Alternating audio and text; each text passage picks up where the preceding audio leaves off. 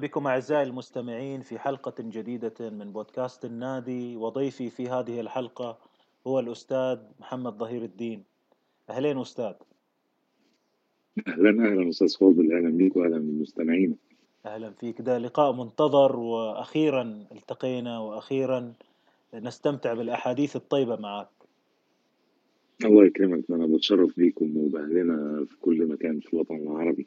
أهلا فيك. أهلا بيك. أستاذ اليوم حلقتنا راح تكون عنك وعن الأستاذ عم عبد داغر وده موضوع محبوب لدى الكثير وأنت قريب ومقرب جدا من الأستاذ عبد داغر وراح نسمع منك كثير من الخبرة وكثير من المعايشة. والله ده شرف ليا الأول إن أنا أتكلم عن أستاذي وأستاذ أجيال كتير قوي من الوسط الموسيقي الوسط الفني. في العالم العربي كله الحقيقة مش في مصر بس اللي هو الأستاذ عبد داغر أو عم عبده زي ما بنحب نقول له. نعم. و... وهو بيحب نقول له كده. يعني إحنا بنحب نقول له كده لأن هو عمنا فعلا. نعم. هو عمنا في المجال وعمنا في في المهنة وفي الأستاذية. نعم. هو العم يعني. نعم. وإن شاء الله يسمع الحلقة ويستمتع بالحديث عنه يعني هنا.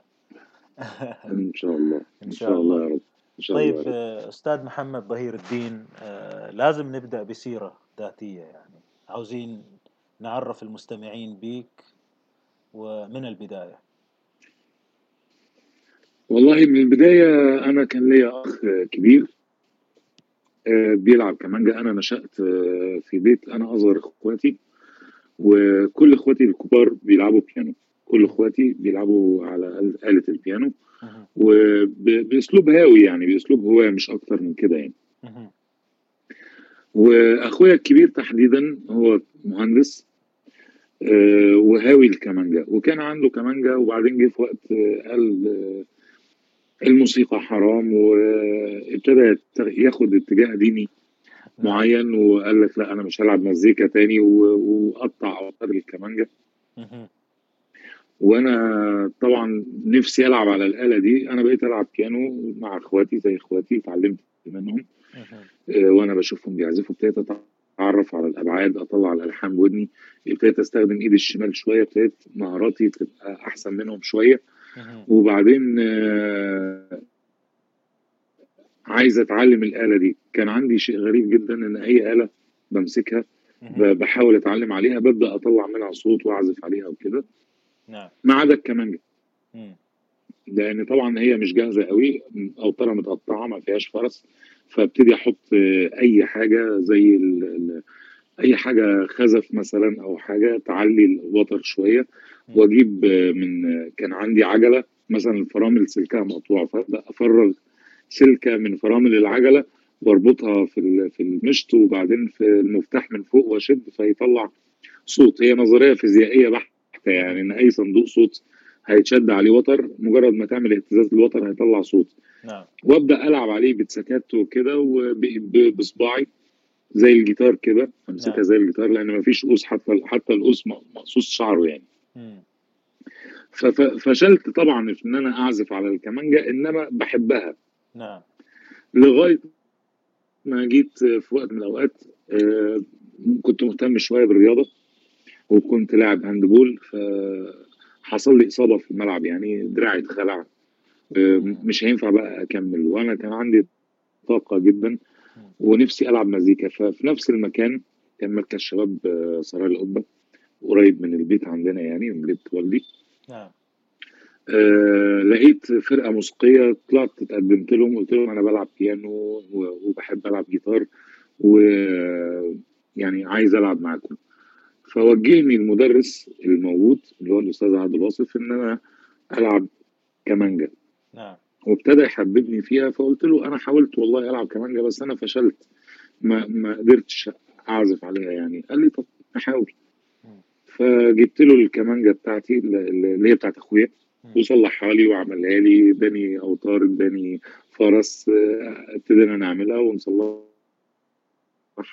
عملنا شعر الموجود. نعم. ركب له شعر و- وابتديت أنا بقى الرحلة. وهو بصراحة نجح في نجح في إن هو يحببني في الآلة. وابتدى يجيب لي ناس من ال... من القدام في المكان يعلموني زي الأستاذ يوسف نديم مثلا. وابتدت علاقتي بال- بالموسيقيين من هنا. الجيل مع بعضه بينشأوا فرقة آه، اسمها فرقة الطلائع. الطلائع اللي هم ال- الطلائع الشباب يعني. نعم. آه، بنبدأ نتعلم مع بعض ومن بعض وهو ابتدى يوجهنا ويعلمنا النوتة ويعلمنا الموسيقى ويحفظنا الألحان ويحفظنا الموسيقات بتاعة الناس. نعم. ابتدى مستواي يتقدم شوية في في الآلة. آه، واحدة في واحدة لغاية ما ابتدى يوجهني إن أنا أروح المعهد لأن هو هو شايف إن أنا عندي موهبة و- وحرام أضيعها. نعم. فكان آه، في رفض من الأهل إن أنا أروح المعهد وابتدى شغفي وحبي للمزيكا ياخد آه، عقلي و- و- وأسلوبي فابتديت أعاند في الأهل وفي البيت. نعم. بالذات أخويا الكبير اللي هو كان واخد ال- ال- الش- الشق الديني أو النطاق الديني في. حياته فبيقول لي آه، أخاف عليك إنك يجي عليك يوم تقول الموسيقى حرام. وتبقى دي حياتك ومستقبلك وكده ومش عارف إيه. دلوقتي هو نفسه ما بقاش يقول الموسيقى حرام. يعني أنا أنا اللي أقنعته في الآخر يعني. ابتديت ابتديت من هنا آه، إن أنا أتوجه في في المجال. وطبعا ابتديت أدور على الأساتذة آه، فكان أستاذي في المعهد دكتور أشرف هيكل آه، في ال- في الكلاسيك يعني. وابتديت آه، مع الأستاذ عبد الفتاح خيري رحمة الله عليه كان عازف كمان مع ست أم كلثوم. نعم. واللي هو كان مشهور قوي إنه لعب بصولات الجيتار في أنت عمري و... ولعب سولو تاني في بس ده أشهر سولوهاته يعني. سولو بتاع أنت عمري. نعم. آه كان حاطط الجيتار جنبه كده اللي ما يعرفوش يعني. آه، و- وساعة السولو بينزل الكمانجا ويلعب سولو الجيتار ويرجع يشيل الجيتار تاني ويلعب يكمل الكمانجا بس هو كان نعم. عازف كمان بارع جدا. من أهم سولوهاته آه، كعازف كمان آه، أغنية بتاعت آه، عبد الحليم حافظ اللي هي أحضان الحبايب. في سولو كمانجا في الغنوه ده الأستاذ عبد الفتاح خيري اللي لعب. أها. وبعدين ابتديت لما مات الله يرحمه رحت لفصل الأستاذ سعد محمد حسن وبقيت من من ولاده. في في كل في كل العصور ده طبعا أنا بكلمك على الدراسة الأكاديمية. نعم. إنما في كل العصور دي أنا كنت عايش مع الأستاذ عبد الغاغر أو عم عبده. في البيت بقى. يعني من من وأنا في في إعدادي في المعهد آه، إعدادي اللي هي سنة استماع لما قبل الجامعة. أها. إحنا عندنا أربع سنين أربع سنين بكالوريوس وقبلهم ثلاثة ثانوي. اللي أيوه بيروح بعد الثانوية العامة بياخد سنة اسمها إعدادي. نعم السنة دي بتؤهلك موسيقيا إنك تدخل على مرحلة بكالوريوس. فأنا أنا من ساعة ما كنت في استماع وأنا بتوجه لبيت عبده داغر. آه، بتعل- بتعلم منه في البيت وفي نفس الوقت آه، الكلام ده كان سنة 96 وفي نفس الوقت موجود في المعهد مع أساتذتي في المعهد فكان حظي طيب إن أنا آه، قدرت آه، أكون واحد من دول اللي اللي بتلمذه على إيده في بيته نعم وكان آه، قبل ال- الناس إن هو كان كريم في كل حاجة كريم في بيته. بالأكل والشرب والضيافة والكلام ده كله وكان كريم في المعلوم وإنت من حقك تغرف. من المعلومات ما تشاء تغرف ده ده زي ما بتغرف كده من ال ال ال ال الأكل تغرف من ال- ال- الحلة أو الوعاء. تغرف ما تشاء. نعم. كم معلومات اللي أنت عايزه خده. قول له أنا عايز أعرف كذا بيقول لك عمره ما, ما بخل لا في معلومة ولا في ضيافة. الحقيقة وفاتح بيته لله مدى الحياة. إلى إلى الآن آه، المريدين له من جميع أنحاء العالم زي ما شفنا آه، عندنا نماذج كتير قوي زي آه، الأستاذ آه، رومان بوركا نعم آه، مشهور طبعا عازف الجيتار آه، مشهور نعم آه، وكان في في ضيافته سنين طويلة واحد آه، اسمه رياض من أمريكا مم.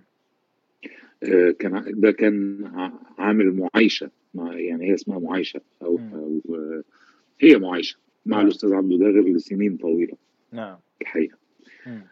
آه، وناس كتيرة بتيجي يعني كتير قوي في التاريخ. كان نلاقي مثلا إيه أوركسترا جاي من بره نروح نحضر الحفله يقولوا لنا نفسي تودونا عند الأستاذ عبده داغر فناخدهم ونروح لعم عبده فيجيبوا أحسن ضيافة. وهو كان سفير فعلا سفير محترم للفن المصري في تقديمه وفي ضيافة الناس العرب والأوروبيين والأمريكان من كل أنحاء العالم الحقيقة. نعم نعم. جميل جميل. إذا علاقتك معاه من ذلك الوقت إلى الآن وأنت يعني نشوفك اليوم يده اليمين يعني في مساعدته في في في دروسه أو في بيت الكمان لو تكلمنا عنه أو في الأوبرا.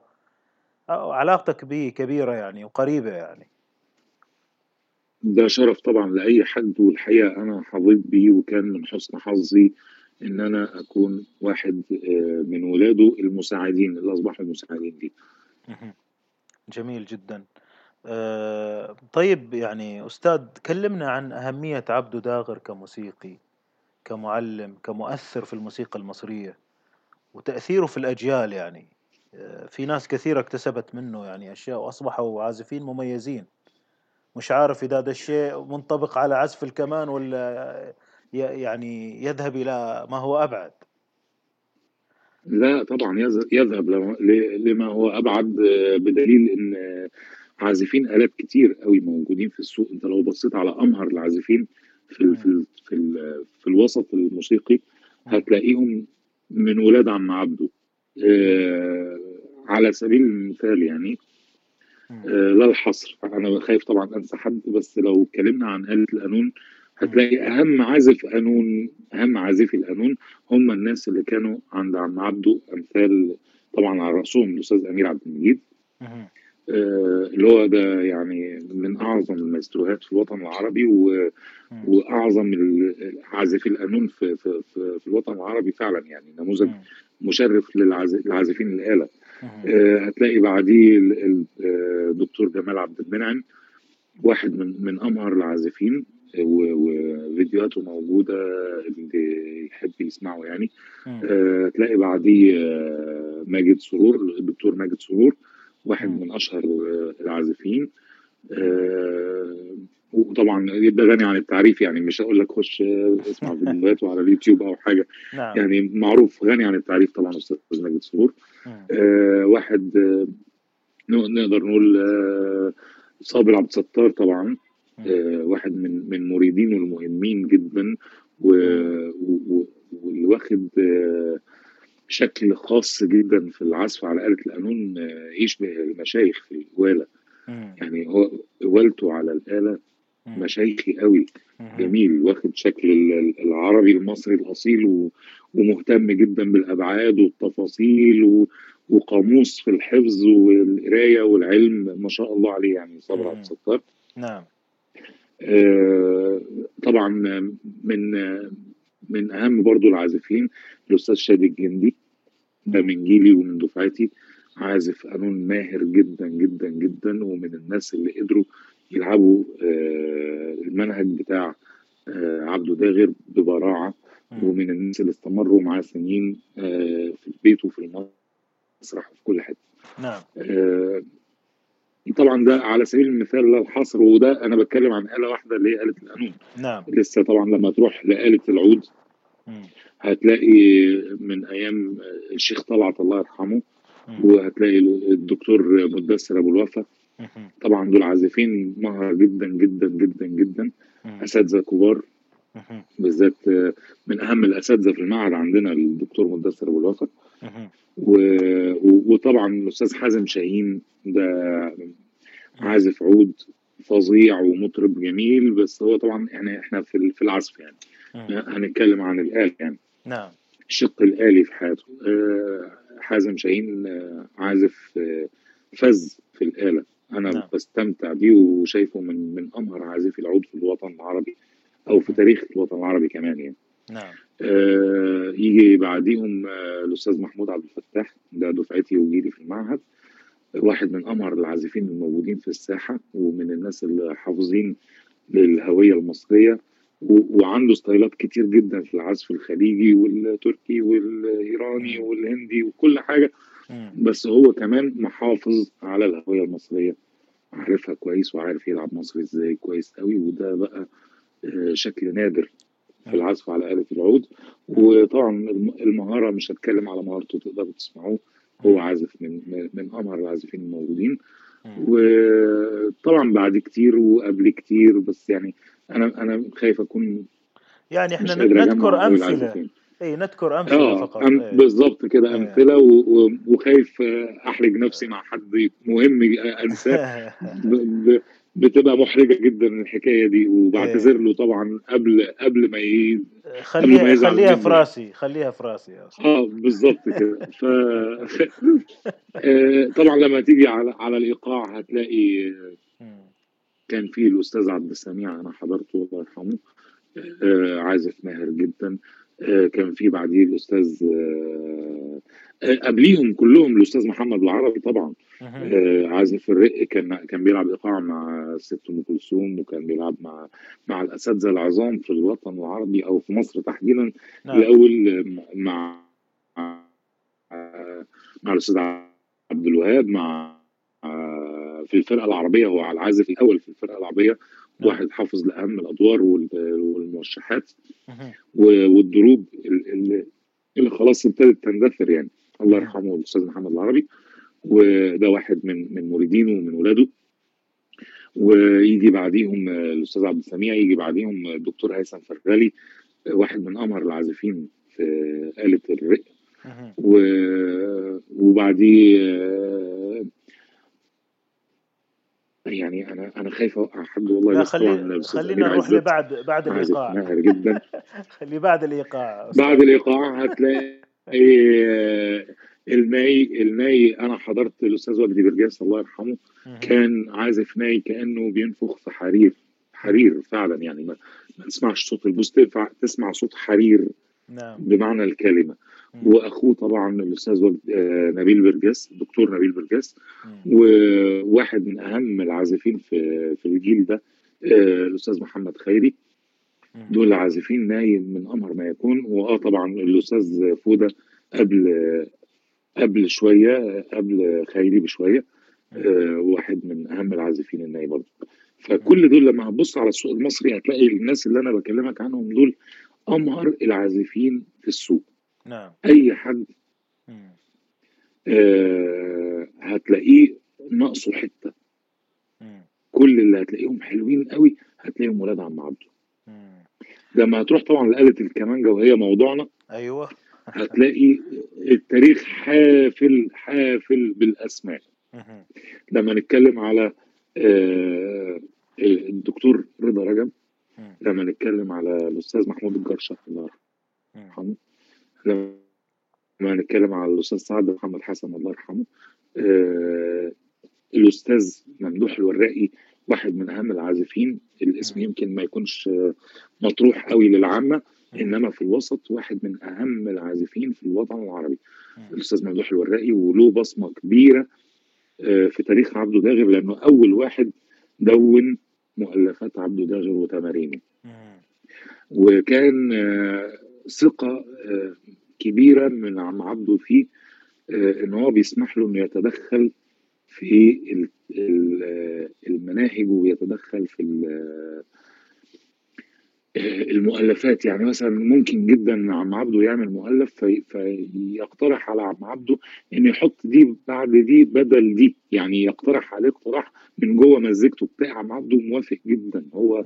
مرن عم عبده من من الشخصيات المرنة قوي في المؤلفات. آه، فيوافقوا جدا ويثق فيه جدا. ودي طبعا بتبقى مش أي حد اللي يقدر يعمل كده. مش. أي حد عند عبده ده غير يقدر يتناقش معاه في مزيكا ولا حاجة. لازم يكون حد تقيل بجد يعني. نعم. فده كان الأستاذ ممدوح الوراقي. و... وكان آه، بعدهم الأستاذ عزيز جورج والأستاذ مصطفى عبد النبي. عازفين آه، معروفين على مستوى الوطن العربي وعازفين مهمين. ومن أفضلهم طبعا من أفضل العازفين الموجودين في الموسيقى العربية. وبعدهم الأستاذ نادر أنيس وبعدهم آه، طبعا حدث ولا حرج عن حلاوة المقام والعزف والكلام ده كله. آه، مش عايز أوصف كل عازف عشان ما أخفش حقهم الحقيقة. اي اي آه، بعدهم الجيل بعدهم في جيل كبير قوي زي الأستاذ آه، رشيد السركي زي الأستاذ إيهاب صبحي زي الأستاذ آه، الدكتور مصطفى حلمي أمين. آه، آه، أنا مثلا في نفس الجيل ده محمد ظهير آه، واحد من ولاد عم عبده آه، أشرف رجب محمد عاطف إمام. آه، كل اللي أنا بكلمك عامر طبعا عامر عبد العزيز ومحمد مهدي. دول زمايلي وجيلي ومن أمهر العازفين اللي موجود في الجيل ده في جيل الوسط. جميل. ف الن- الناس اللي أنا بكلمك عليهم دول- كلهم على مر التاريخ افتح أي حفلة لازم تلاقيهم. وده كل واحد في عصره طبعا. هو بيت عم عبده داغر آه، كم في كم متر اللي بتجلسوا فيه ده؟ شوف كم جيل وكم عازف وكم آه، حكاية وكم آه، إيه. هي هو بيت عم عبده بيت في دور أرضي. يعني ما بتطلعش آه، غير غير أربع سلالم في الأول كده. بتدخل مدخل عماره أربع سلالم. بتدخل يمين في الدور الأرضي نفسه بتلاقي باب الشقة. بتدخل بتلاقي آه، باب المطبخ في وشك وعلى الشمال.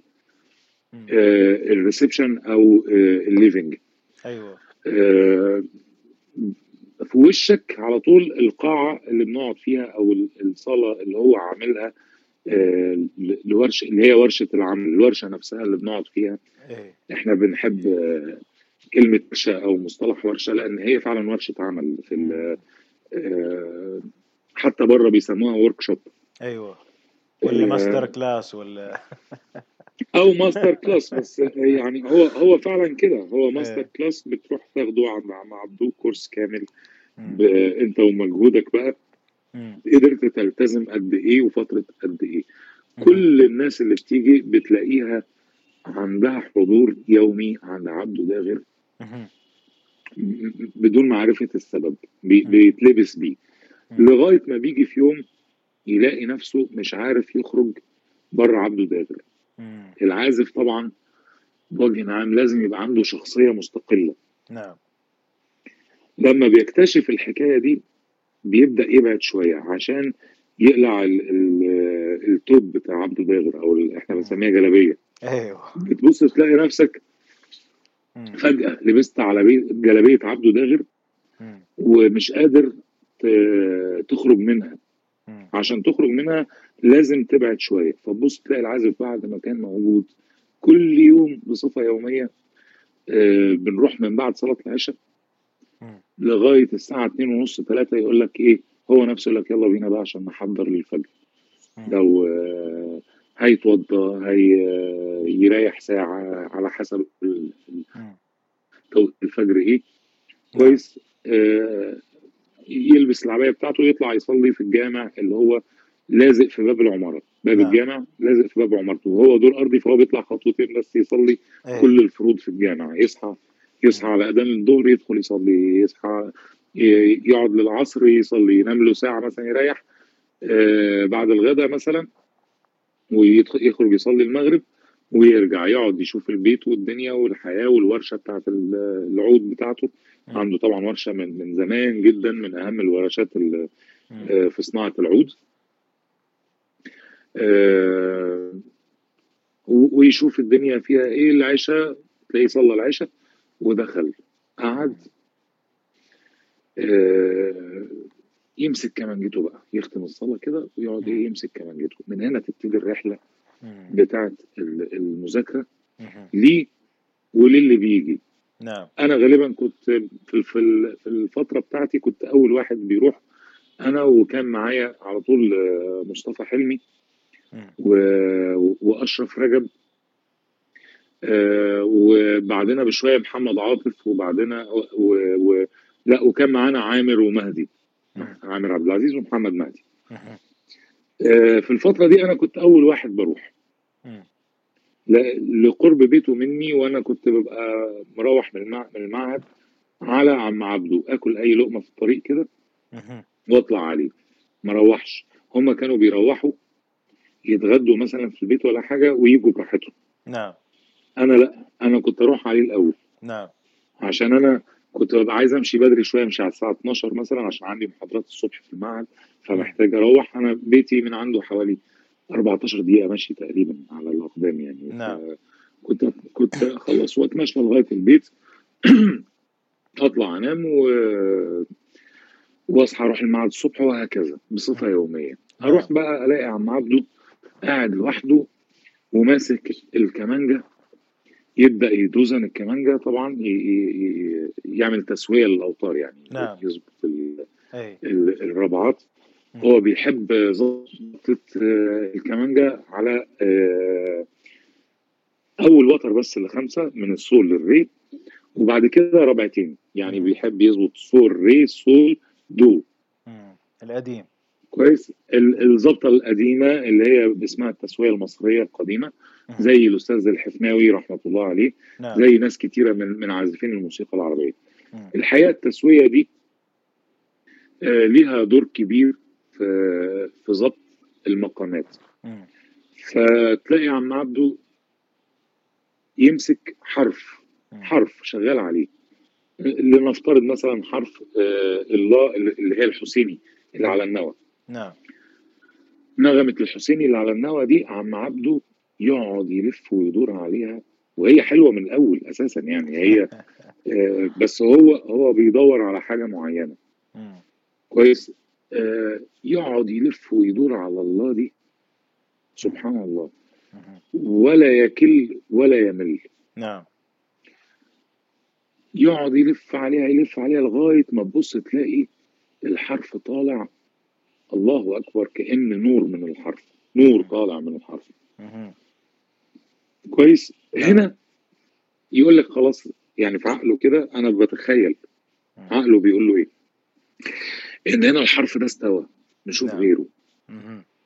فيبدأ يتحرك من الحرف ده لحرف غيره ويبدأ يعادل المقامات مم. حرف الله ده حرف مهم جدا تحديدا الحرف ده. لأنه متوسط متوسطا في الكمانجة متوسط نعم موقعه في الكمانجة متوسط جدا. نعم نعم. والحرف ده لما بيهرب أي مقام بيهرب. مم. الحرف ده لو هرب منك ما طلعش مظبوط كما ينبغي أي مقام هيهرب. مم. فلازم تحافظ على الحرف ده كويس قوي. وهو عم عبده عنده آه، الفطرة إنه يبقى عارف إيه الأهم فالأقل أهمية. نعم. فبيبدأ بالأهم. نعم. وبعدين يبدأ يخش على التمارين اللي, اللي هو مبتكرها من نفسه نعم يعني ما حدش عارف التمارين دي جت منين وليه وفين مم. يبدأ يلعب double corde طب منهج الموسيقى العربية ما فيهوش double corde أساسا مم. أنت جبت ال double corde ده منين يا عم عبده. فيبدأ يساوي آه، حرف الفا مثلا اللي على الدوكاه نعم مع الدو راست. حتى لدرجة إن له مؤلف فيه الحكاية دي مم. الرابعة التامة دي. فيبدأ يمسك الحرف يظبط الفا جدا نعم. وبعدين يبدأ يظبط يظبط عليها الدو. هي آه، رابعة تامة. نعم. وبعد ما يظبط عليها الدو وتطلع مظبوطة جدا يبدأ يظبط الدو الثانية اللي هي الجواب. نعم. بعد خمسة تامة. الرابعة الرابعة والخمسة من الأبعاد اللي ما ينفعش تتغش فيها. في ودنك. نعم. لما بتيجي تظبط الحرف رابعة أو خمسة ال- لو لو في هزة صغيرة في الحرف بتبقى وضوح الشمس. مم. هزة صغيرة قوي هو بقى عايز الهزة الصغيرة دي لو لو أنت بتلعب على الحرف لوحده مش هيبان قوي نعم. إنما لما بيبقى double corde بيبقى باين جدا. باين باين باين. نعم. فبيقعد يظبط الر- الرابعات والخمسات دي ويبدأ يعمل عليهم تمارين ويبدأ يطلع من الفا تبقى فا dièse فيظبط عليها الدو dièse إيه. تحت. نعم. والدو dièse اللي فوق. نعم. يبدا يطلع من من الفا dièse دي لل- للسول. على وتر ري ومن السول اللي على وتر ري دي يلعبها بالصباع الثاني ويبدأ يظبط عليها الري على وتر سول. كويس والري على وتر الرابعة بتاعتها اللي تحت والخمسة الرابعة الهابطة والخمسة الصاعدة. نعم. كويس. ويطلع على اللا bémol يلعب المي bémol هنا وهنا. وفوق نعم. فهو الحقيقة ابتكر طريقة لضبط الانتونيشن. أو ضبط ال- النغمات نعم. وتثبيتها في في في عقله الأول لأن ال- السيف بيحصل في العقل مش في الصوابع. نعم. وتوجيهها وتوجيهها للصداع في المكان السليم. بيفضل على الحالة دي فترة فترة زمنية طويلة لا تقل عن ساعة ساعة ونص. كويس؟ ويبدأ بعد الساعة ونص دي يلف على ال- ال- المقامات. نعم. تبص تلاقي النهارده هو مثلا البياتي عاجبه قوي. بياتي لنفترض ال- الدوكاه مثلا بياتي الري نعم. فتبص تلاقي ماسك بياتي الري عمال يلف ويدور فيه يلف ويدور فيه في, في جنس الجذع بس يعني ري مي فا صول نعم. أربع نغمات ما, بي ما بيطلعش جواهم ما نعم. بيطلعش من جواهم. مهم. يقعد يلف فيهم يلف فيهم يلف فيهم وهو المقام الأول حلو قوي. مهم. بس وهو وهو حلو قوي عمال يحلو زيادة. نعم. ل- لغاية ما تبص تلاقي عم عبده ده كأن في ملاك حضر. مهم. والله زي والله زي ما بقول لك كده كأن في طاقة من الله اتفتحت. وتبص تلاقي الصرف بقى بتاع ربنا. آه الجمل اللي, اللي مش ممكن تسمعها في حتة في الكون غير من عبده داغر. تقاسيم وألحان متواصلة لدرجة إن اللي قاعدين كلهم بيوصلوا لمرحلة السكر الفني. مش السلطنة بتلاقي كل اللي قاعدين ما حدش قادر يتكلم. محدش قادر يبص لل- للي جنبه حتى. كله متجه لعبده داغر باصص لعبده داغر ماسك ري اللي هو الأساس بتاع المقام وعبده داغر خلاص هرب مننا أنا بوصف لك وصف آه، للحالة وصف شعوري آه، من من واحد عايش الحالة سنين. جميل. بعد ما كنا بنتمرن بنتمرن التمرين ده طبعا بيبقى جماعي. واللي نعم بيخش اللي بيدخل بيقول سلام عليكم مهم. وهو مطلع كمانجته من نعم. الليفنج بره. أيوه. كويس ويبدأ يدوزها بالراحة كده من بره أيوه. يدخل يقول سلام عليكم ويروح قاعد. نعم. يقعد يظبط معانا يظبط معانا يظبط معانا لغاية ما بتبص تلاقي الانطلاقة بتاع الداغر الانطلاقة نعم. بتاع الداغر دي بقى بتبقى لحظة المتعة. زي ما تكون الم- المكافأة على المجهود اللي فات. ومن جوه التقسيمة نبدأ نلعب واحدة من من موسيقاه اللي اللي اللي ليها علاقة بالمقام اللي هو بيقسم منه دلوقتي. مجرد ما بتخلص المزيكا بتحس بكمية تعب غير عادية. أوجاع بقى الظهر والدراع بتكتشف إنك بقالك ساعتين ما نزلتش الكمانجة وأنت مش دريان. نعم نعم إمتى؟ إمتى دريت؟ لما المزيكا وقفت نزلت الكمانجة تبص تلاقي جسمك مهدود هدة. مم. تبص تلاقي على طول عم عبده طبعا ما هو معانا. نعم. ما هو صح صاحب الفرح وشغال ثانية بثانية يعني ما بيرتاحش. نعم. زينا بالظبط. ظهره وجعه ودراعه تعبه وكل حاجة. اسم الله عليه يعني ربنا يحميه. وبعدين يروح منادي يا حاجة! مم. أيوه. الشاي يا حاجة. لا عاوزين نسمع صوته نقعد بقى. بقى. عاوزين نسمع صوته الحقيقي آه. بقى. يقول لك. آه. يروح قايل على طول يا حاجة! أيوه. الشاي يا حاجة. نعم. الحاجة جايبة. الصينية الكبيرة فيها برادين من من الستانلس. نعم. معمول فيهم الشاي بطريقة مختلفة عن طريقة آه، البيوت أو القهاوي أو ال- الطريقة المعتادة. هو بيعمله بالطريقة القديمة لغاية دلوقتي اللي هو الشاي بيتلقم في البراد ويتغلي على النار. ويجي بالبراد كده وانت تصب في كوبايتك والسكرية موجودة في وسط الصينية نعم. مع البراد وال- والكوبايات كلها محطوطة داير ما يدور كده في الصينية صينية كبيرة يعني. نعم. وكل واحد يعني واحد يتبرع مثلا أنا أقوم مثلا أروح صابب الكوبايات وسكرك قد إيه كذا قد إيه كذا قد إيه كذا يجي عم عبده له كوباية صغيرة كده مهم. يسموها استكانة. نعم. آه يروح واخد آه على طرف المعلقة شوية سكر هو مريض سكر طبعا إحنا نعم. كلنا. مم. ربنا يشفيه ويعافيه يا رب. نعم.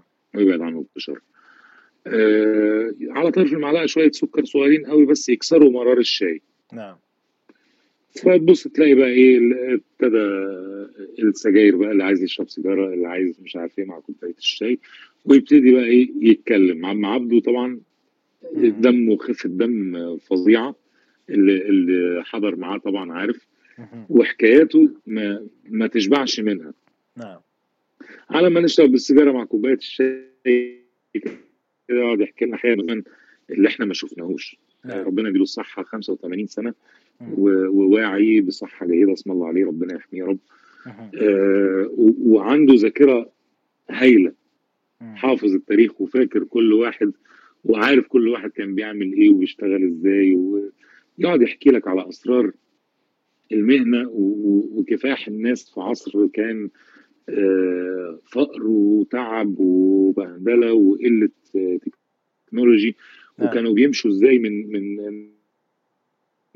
من بلد لبلد عشان يروحوا يحضروا مولد ولا فرح ولا ولا نعم. ومعاناته مع والده اللي ما كانش عايزه يلعب كمانجا كان عايزه يفضل معاه في الورشة. ورشة تصنيع عواد برضو هو متوارث المهنة يعني هو وارث المهنة من من والده. نعم. ويبدأ بقى في الحكايات دي. وقد إيه كان والده قاسي عليه عشان يبعد عن الكمانجا وعن المهنه وهو مش شايف قدامه غير المزيكا. آه عند نعم عناد غير عادي وال... وال... ووصل طبعا لل... لمراده هو كان له دعوة غريبة قوي. من من وهو صغير بيدعي دعوة يقول يا رب أنا نفسي كل الناس تعرفني. فربنا اداله دعوته فعلا. كل الناس تعرف كل الناس تعرف عبده داغر. نعم. كل الناس لما بتشوف عبده داغر بتشاور عليه تقول ده عبده داغر. نعم. ف يقعد يحكي لنا حكاياته وإحنا طبعا مستمتعين جدا وإفيهات آه، بتاعت الموسيقيين بقى اللي هي لازم تضحك تموت من الضحك يعني. وتبص تلاقي واحد بي بي يروح قايل إيه يروح رامي عليه. فيه طبعا كلنا بنتقبل لأن كلنا أولاده. صح. ف وبيبقى القصد ضحك مش تنمر حاشا لله ولا حاجة. هو راجل طيب. و... و... وقلبه نظيف دايما. مهم. فيتريق على ده مش عارف إيه. مثلا ده والده فران ده والده مش عارف إيه ده والده إيه. آه، فبص تلاقي الكلام كله رايح في الحتة دي ومحدش بيزعل ولا حد بي بيتضايق مثلا ولا حاجة. كان آه، يقعد يحكي حكاياته دي وفجأة كده تلاقي حد من اللي قاعدين آه، رفع كمانجته تبص تلاقي عم عبده على طول. يفتكر. يعني هو هو سارح في في الحوار والضحك والكلام ده مثلا أنا رحت ماسك الكمانجة وبظبطها بس أيوه يروح على طول عم عبده أول ما يسمع صوت الكمانجة يروح يروح ماسك الكمانجة بتاعته. ويبدأ في المرحلة الثانية هو خلاص دلوقتي بقى فورمة جدا سخن سخن كويس آه عامل تمارينه كويس فيبدأ يعمل يعني زي كأنه بيتعرف على الكمانجة في اللحظة دي. زي تمرينة صغيرة كده ولا حاجة كويس بس طبعا مش بالحجم الأولاني يعني بتاع دقيقتين ثلاثة كده. تمارين وتبص تلاقي دخل على المقطوعة الثانية. ويبدأ ياخد تقسيمة جوه المقطوعة ويبدأ يوزع على الآلات يعني مثلا يبقى معانا قانون يبقى معانا عود يبقى معانا ناي يوزع عليهم التقاسيم وإحنا وحظنا بقى. اللي بيقسم ده لو بيقسم كويس لو قال تقسيمة كويسة عم عبده يديله تقسيمة. أحسن من اللي قالها. لو قال تقسيمة وحشة خلاص بقى بيبقى حظنا منيل نعم. تبص تلاقي عم عبده نفسه ملوش مزاج. قسم انت بقى. لا لا طب مش عارف إيه. لغاية ما حد يستفزه. أجرك الله بقى لما حد يستفزه. نعم. تبص تلاقي زي اللي إيه آه، اللي- لاعب كمال الأجسام لما يستفرد بعيل صغير. ويبقى ماسكه بإيد كده و- ومشعلقه في الهواء ورافعه من الفانيلا كده وبإيده اليمين عمال يديله بالبنيات والتاني خلاص ميت في إيده عم عبده فظيع فظيع لما بيتسلطن أو حد مثلا يحس إن ال- اللي بيعزف ده قوي لازم لازم يوصل له إن هو عبده داغر. أنت مش واخد بالك ولا إيه؟ لازم تبقى فاهم لازم تبقى فاهم إن مهما عملت أنا عبده داغر نعم. فاهم؟ وهو الحقيقة كده طبعا هو مش بس أفضل عازف كمان لا هو أفضل آلة قسمت لعب التقاسيم في الوطن العربي. ما فيش حد لعب تقاسيم زي عبده داغر في أي آلة. لا حصل وغالبا مش هيحصل إلا إذا كان ربنا له يعني له حكمته يعني في إن هو يورينا آية تانية من آياته. مهم. من من ضمن ال- الحاجات الغريبة قوي في حياة عم عبده إن ما حدش علمه. كل كل علاقته بالكمانجا إن كان في عازف عالمي آه، بيقال والله أعلم إن هو ديفيد اوسترخ ده عن لسان عم عبده يعني مم. مش حد تاني آه، راح عزف في مسرح أوبرا طنطا. كان في زمان آه، في العصر الملكي أوبرا في طنطا آه، وكان في أوركسترا سيمفوني راح عزف كونشيرتو وعم عبده كان له الحظ إن آه، مدير الأوبرا دي كان صاحب والده. وعم عبده كان طفل صغير عمره 12 سنة فراح اتفرج لقى العازف ده أو ديفيد اوسترخ بمعنى صح بيعزف حصل له انبهار غير عادي. فابتدى بموهبته الفطرية يألف مزيكا مزيكا صعبة جدا جدا جدا اسمها الشباب. نعم كان لما اكتملت المزيكا دي كان عم عام 12 سنة مم. ب... ب... بتفكير الطفل طبعا قال لك أنا عامل المزيكا دي مش عشان الناس تسمع. عشان العازف اللي كان موجود ده اللي هو ديفيد اويسترخ عشان العازف ده يجي السنة الجاية يلعب المزيكا بتاعتي. وابتدى يتمرن على آلة الكمان بحفظ يعني هو شاف بعينيه. مم. الماسكة بتاعت الراجل العالمي ده ديفيد اويسترخ. فشاف الماسكة بتاعته فمسك الكمانجة زيه شاف ماسكة القوس مسك القوس زيه ابتدى يتحرك بالقوس وابتدى يذاكر لنفسه ويطلع صوت من الآلة. وطبعا موهبته الفذة وفطرته وصلته للي هو فيه ده. إنما ما حدش صاحب فضل على عم عبده. يعني مثلا لما تتكلم عليا أقول لك لا عم عبده صاحب فضل كبير عليا. يجي بعديه مثلا الأستاذ سعد محمد حسن. يجي في ماده الغربي مثلا دكتور أشرف هيكل. فلان وفلان ليهم تأثير عليا آه، في حياتي الفنية آه، إن شاء الله بالسمع. يعني أنور منسي مثلا من الناس اللي أنا متأثر بيهم جدا في العزف. آه، الاستاذ الحفناوي أنا متأثر بيه جدا. بحبه جدا. بسمعهم كتير. الأستاذ محمود الجرش رحمة الله عليه. بسمعهم كتير جدا جدا جدا. آه لدرجة إن هم أثروا عليا كعازف. فما أقدرش ما أقدرش أنكر فضل حد فيهم ولا آه أستاذيتهم ليا. إنما عم عبده لا ملوش أستاذ. هو زرعة ربنا وسبحان الله تبارك الله أحسن الخالقين لا شفنا ولا هنشوف إيد يمين اللي هو تقنيات مم. اليد اليمنى نعم في العزف على آلة الكمان لا شفنا ولا هنشوف إيد يمين زي إيد داخل مم. حتى اللي متعلمين كلاسيك حتى أنا واحد من الناس. بدعي إن أنا اتعلمت كلاسيك وتعلمت عربي ما أقدرش أقارن ايدي اليمين بإيد داخل مم. ما أقدرش اقارن ايدي الشمال بايد داخل ما فيش مقارنة. يعني هو أستاذ آه عصامي. فريد من نوعه فريد من نوعه آه مالوش أستاذ.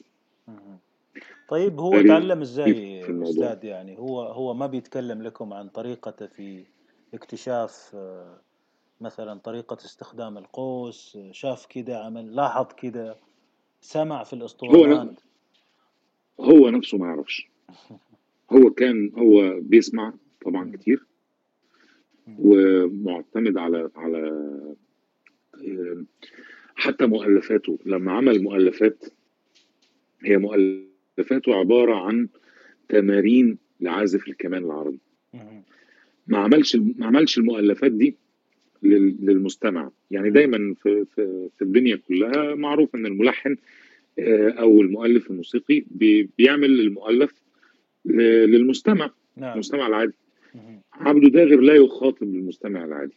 عبده داغر يخاطب الموسيقي اللي جاي يتعلم الموسيقى العربية. نعم. علشان كده أكتر أكتر اللي بيتعلقوا بيه يا إما موسيقيين يا إما ليهم علاقة بالمزيكا من قريب أو من بعيد. نعم. أو بالفن بوجه عام بي بي بيقدر يشوف مستواه الحقيقي الفني. نعم جميل طيب أستاذ مواصلة إلى البرنامج الآن وصلنا للمرحلة الثانية اللي بدأ فيها أيوة. بدقيقتين تسخين ودخلنا ولما شفنا التجلي وال آه، الاستفزاز حيستمر ده إلى غاية كم يعني من بعد العشاء البرنامج حيمشي من بعد؟ العشاء لو لو قلنا مثلا بيبتدي من الساعة 7 مم. البرنامج ده بيفضل ماشي لغاية 2 ونص 3 بالليل طيب المرحلة الثانية الآن شفناها وبعدين؟ آه، خلاص نفس ال... على نفس المنوال بقى. بيبدأ مم. آه آه مثلا أنا مشيت الساعة 12 مم. الساعة 12 دي في حد تاني جه.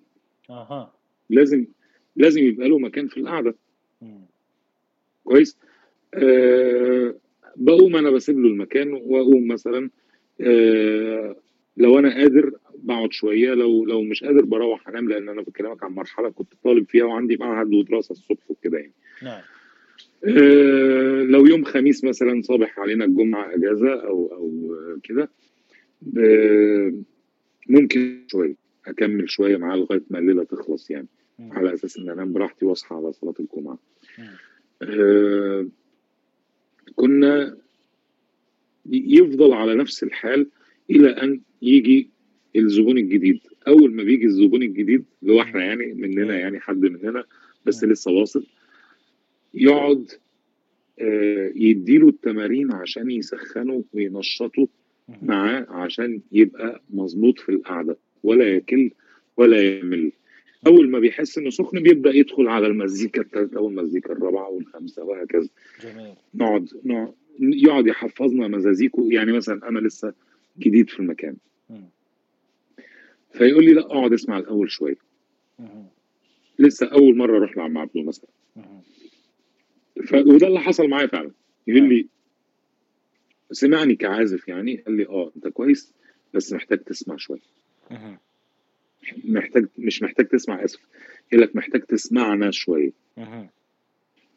يعني تحضر وتشوف ال- المقام بيطلع إزاي والصوت واداب القعدة والعزف والكلام ده كله نعم فيسيبني قاعد على الكنبه كده أسبوع مم. أسبوعين وشوية كده طبعا أنا كعازف في استفزاز بيحصل فأروح ماسك كمان عازف شوية مم. في يوم بيجي في عبده داغر يقول لك هات الكمانجة بقى وتعالى هنا. خلي بالك انت لما بتمسك كمانجه وبتعزف هو بيبقى ودنه معاك وسامعك ممكن يكون بيكلم واحد تاني. بس هو مراقبك مراقبك سامعك أول حاجة كسر عندك حتة الرهبة. آه، دايما العازف لما بيبقى قدام حد كبير نعم بالذات العازف الصغير لما بيبقى قدام حد كبير بتحصل له حالة من الرهبة نعم والارتعاد أو الارتعاش. فما ما بيقدرش يعزف كويس. بيبقى خايف من العازف اللي قدامه. نعم. فتخيل انت رايح تعزف لعبده داغر فطبعا بيبقى يوم أسود وعزفك بيبقى كله نشاز وحروفك كلها منيلة وقوسك ضايع من الخوف اللي جواك. فهو نعم. بيبقى مقدر الحتة دي. وكمان مش عايزك تبقى خايف عايزك تطمن وعايزك تبقى سامع كويس. فأنت في القعدة دي في أسبوعين ثلاثة بتكون لميت آه الشكل أو الستايل. بتاع. العزف. نعم. أسلوب أسلوب الأداء. آه، أداب الأداء. آه، فهمت منظومة القعدة كلها إزاي. بتبدأ بيبدأ يدخلك في القعدة. ويقول لك إيه؟ تعال تعال اقعد هنا. العب معانا. وبعد شوية كده يقول لك إيه؟ بس أنت ما تعزفش. ذكاء غير عادي. غير عادي. على فكرة انت بتعزف كويس بس بس هو مش عايزك تاخد جرعة أكبر من كده. هو عايز يديك حتة صغيرة تهضمها وتيجي بكرة حتة حتة تانية تهضمها حتة تالتة تهضمها واحدة واحدة واحدة واحدة ويقعد يحفظك في المزيكا بتاعته كأنه ما وروش حاجة تانية في الدنيا. وانت لسه جديد. ما نعم. مثلا ما, ما أنا ممكن أبقى قاعد وحد جديد يجي فعم عبده مثلا يقول لي يا زهير قوم اقعد بقى مع الواد ده حفظه حاجة. مثلا عادي جدا. نعم. ما يعم- ما يعملش كده ما يعملش كده يا حبيبي لا. ما يعملش كده. يقعد بنفسه يحفظه. يقعد بنفسه يحفظه. نعم. انما ممكن ممكن إيه مثلا في المعهد. يديني طلبة أعلمهم كمانجا. من نعم. الصفر. طلبة نعم. واحد جاي لك ما عندوش كمانجا نعم. وأبدأ أرتقي بيه لغاية ما يوصل لل- للمستوى اللي ينفع يروح بقى لعم عبده. مهم. فيروح مدخله في الدايرة. عم عبده. يبدأ بقى إيه؟ يتوصل تبص تلاقي المعهد فيه مثلا سبعة طلبة ثمانية طلبة. بقوا تسعة بقوا عشرة بقوا 12 طول ما أنت ماشي الفصل بتاع عم عبده عمال يكبر. مهم. في الوقت اللي أنا مثلا إيه عمال أصدر له طالب واتنين من 90 طالب معايا. نعم. في المعهد بتاع عم عبده بس ده دلوقتي اللي يصلح. مم. ينفع. فعم عبده يسمعه الأول طبعا ويقول لي لا خليه شوية. أو ده ينفع. مم. فيبدأ بقى يدخل في المرحلة اللي هي ال master class زي ما بيقولوا. يبدأ. يقعد مع عبده داغر يستفاد منه مباشرة يقعد في الورشة. ورشه. العمل نعم ويشتغل بقى شغل- عبده ده بس أستاذ هنا آه، لحظة التوقف. هنا عند المستوى إيش إيش المستوى ده اللي بيرضى فيه عم عبده وبعدين بيمشي معاه في الجلسة يعني هل في أشياء معينة بنقول طيب ده خلاص جاهز أنا هقول لك. أول حاجة آه، في تقييم الصوت. آه، الصوت من آه، الكمانجة من الآلات اللي بتاخد مجهود كبير ووقت طويل جدا في, في إنك تطلع صوتها. نعم. يعني مثلا لو اتكلمنا عن آلة زي البيانو أنت لو دوست على الكيبورد بتاع البيانو لو دوست على أي مفتاح في البيانو هيطلع صوت. طيب لا أنا عايز صوت آه، مفتوح شوية فبتروح دايس على ال pédale بتاع ال- اللي بيشيل ال- ال- الكتامات من على الأوتار نعم. فبتروح دايس على الحرف فبيطلع الصوت مفتوح. نعم. لا أنا عايز عايز أقفله أكتمه في الوقت الفلاني فبتروح شايل رجلك مع الدواسة ف- فبتكتم الصوت. نعم. فما عندكش أي مشكلة في الصوت. المشاكل بتبقى عبارة عن إيه؟ تكنيك نعم. مشاكل تكنيكية. مم. لما تيجي على آلة زي الجيتار الجيتار هتمسك الريشة كده هتلعب هت- هتنبر الوتر آلة نبر. نعم. فهتعمل كده للوتر كويس؟ مم. مجرد ما هتعمل نبر للوتر هيطلع صوت الجيتار. مفيش مشكلة. نعم. إنما الكمانجة لا حركة القوس دي حركة متعبة ومزعجة وبتاخد وقت طويل جدا من العازف المبتدئ إلى أن يطلع صوت سليم. نعم. فأهم حاجة أهم حاجة بيدور عليها عم عبده إن العازف يعرف يخرج صوت. نعم. وعشان يعرف يخرج صوت لازم يكون أخذ تمارين كتير وعزف كتير وذاكر كتير والكلام اللي إحنا يعني أي عازف كمان سمعني أكيد فاهم اللي أنا بقوله. نعم جميل. آه، دي المرحلة اللي بيقبل بيها عم عبده مع إن يكون ال- الطالب ده واخد شوية سلالم كويسة. يعني واخد سلالم واربجات ابتدى يلعب مقطوعات ابتدى يدخل في مقطوعة عربي من المقامات ال- السهلة زي النهاوند مثلا أو الكرد المقامات اللي ما فيهاش تلات أرباع اللي هي بتبقى آه، مزعجة شوية لل- للطالب المبتدئ يعني. نعم. بالذات بالذات الجيل اللي إحنا فيه ده لأن ما بقاش يسمع المقام ده كتير. فابتدى إيه، عشان توصل له المقام ياخد مجهود ووقت أكبر. مم. جميل. عشان يوصل إنه يلعب المقام. مم. انت أستاذ وصفت وصفت الجلسة بشكل آه، قريب جدا عايشنا معاك في الجلسة وهذه الجلسة يومية طبعا طول السنة؟ جميع المواسم طول طول السنة يوميا مم. يعني ل- لدرجة إن هو حتى في ال- عندنا في مصر آه، صيف مم. يقول لك إيه هنطلع الساحل الشمالي مثلا مم. الأهل يلموا بعض ويروحوا يصيفوا الأسرة تلم بعضها كده ويروحوا يصيفوا اللي عنده شغل ياخد أجازة واللي عنده مش عارف إيه يروحوا يستمتعوا يشموا شوية هواء بارد في أيوة. الصيف والحر في حر الصيف نعم. ويستمتعوا بالبحر الأجازة السنوية يعني. نعم. اللي يروح يقعد أسبوع اللي يروح يقعد أسبوعين.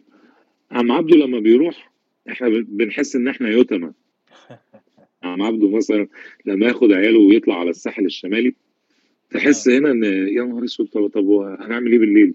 نروح فين؟ نعم. يومك بايظ ومودك رايح ومودك رايحة نعم وهو برضو ذكي بيختار وقت دايما يختار وقت يروح فيه بنكون إحنا محتاجين راحة سلبية زي لعيبة مم. الكورة كده بالظبط نعم في وقت آه، لازم لازم ترتاح من المزيكا. لازم لازم. تسيب الكمانجه ثلاث أربع أيام كده تفصل حياتك عشان ترجع تشتاق لها من أول وجديد. نعم آه، أو الآلة بتاعتك عموما يعني مش شرط الكمانجه أقصد يعني أنا بتكلم على الموسيقي بوجه عام. لازم يجي في يوم كده في السنة يفصل عن آلته شوية. نعم. طبعا أنا بتكلم على على العازفين اللي بيذاكروا. اي أيوه ما بتكلمش عن العازفين ال- المهملين يعني. اي هو المهمل لا. وفي و... آه في في محترفين كتير ما بيذاكروش يعني. صحيح. إنما إنما العازف اللي بيمسك الكمانجه طول السنة. لازم ياخد راحة سلبية. زي لعيب الكورة اللي بيلعب طول السنة لازم يجي في وقت من الأوقات ياخد راحة سلبية يهدي يهدي الع- العضلات ويهدي الجسم ومش عارف إيه. مهما كان عندك شغل. في ناس مثلا يقول لك لا أنا ده أنا عندي تسجيل أنزل أروح التسجيل وأكسب فلوس ومش عارف إيه. عندي حفلة. لا لا لا لا راحة سلبية يا عم ده عندي حفلة. نعم. لا العازف محتاج فعلا فعلا محتاج الراحة السلبية دي. تفرق معاه كتير جدا جدا جدا. جميل جميل يا أستاذ. فكان عم عبده يروح الساحل الشمالي ياخد الراحة السلبية بتاعته ويدينا كمان الراحة السلبية بتاعتنا. عشان لما ترجع يبقى في شوق للعزف. نعم. فلما كان يرجع من الساحل لما كان يرجع من الساحل مثلا ما يستقبلناش أول يوم. مم.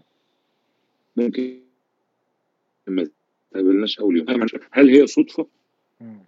ولا آه ولا قصد. كان يجي مثلا وبعدين نكلمه ويقول لنا أنا في البيت. طب أنت جيت إمتى يا عم عبده.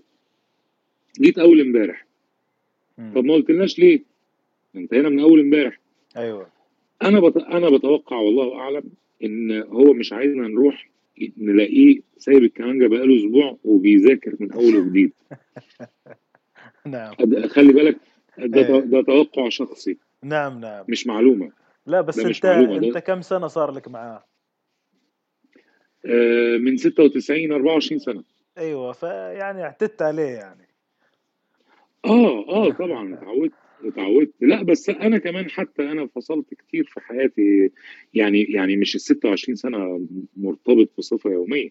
نعم. لا لا آه يعني في أول أربع سنين مثلا آه بصفة يومية موجود مع عبده. بعد كده آه لما دخلت الجيش وال- والمرحلة دي آه ابتدت يعني مثلا أروح له مرة مرتين في الأسبوع. لأن في بقى دوام وعسكرية وكلام من ده فالموضوع بيبقى نعم. لما خلصت الجيش رجعت أروح له كل يوم. لما اتجوزت مم. آه، ابتدى ال- الزيارات تبقى أهدى شوية. آه، كل أسبوع وبعدين كل أسبوعين. وبعدين لما رجع آه، عنده حفلة يقول لي تعالى عشان عندنا حفلة مش عارف إمتى. فاروح له آه، نقعد نجهز للحفلة ونعمل الحفلة وبعدين يبدأ الانقطاع تاني. ف نعم م- وكل الناس. كده على فكرة مش ظروف الحياة نعم. والالتزامات بالظبط. ظروف ظروف الحياة إنما قد ما بقدر بروح. كل ما يبقى عندي فرصة أروح بروح. جميل جميل يا أستاذ. طبعا آه، في الحالة دي القطع آه، المؤلفات اللي بيعملها آه، عم عبده داغر متنوعة ومستوياتها مختلفة وصعوباتها مختلفة. بس في الجلسة اللي زي دي يعني الطالب الجديد والقديم كلهم بيعزفوا النيل وسماع الشوري وسماع الكرد والمشربية لا. وال يعني ولا بيخليهم يعني ينتظروا دورهم ولا إيش يعني لا هو أذكى بكتير من كده نعم هو مثلا أنا واحد من الناس آه، أعتبر حافظ كل مقطوعات عبد الغفور.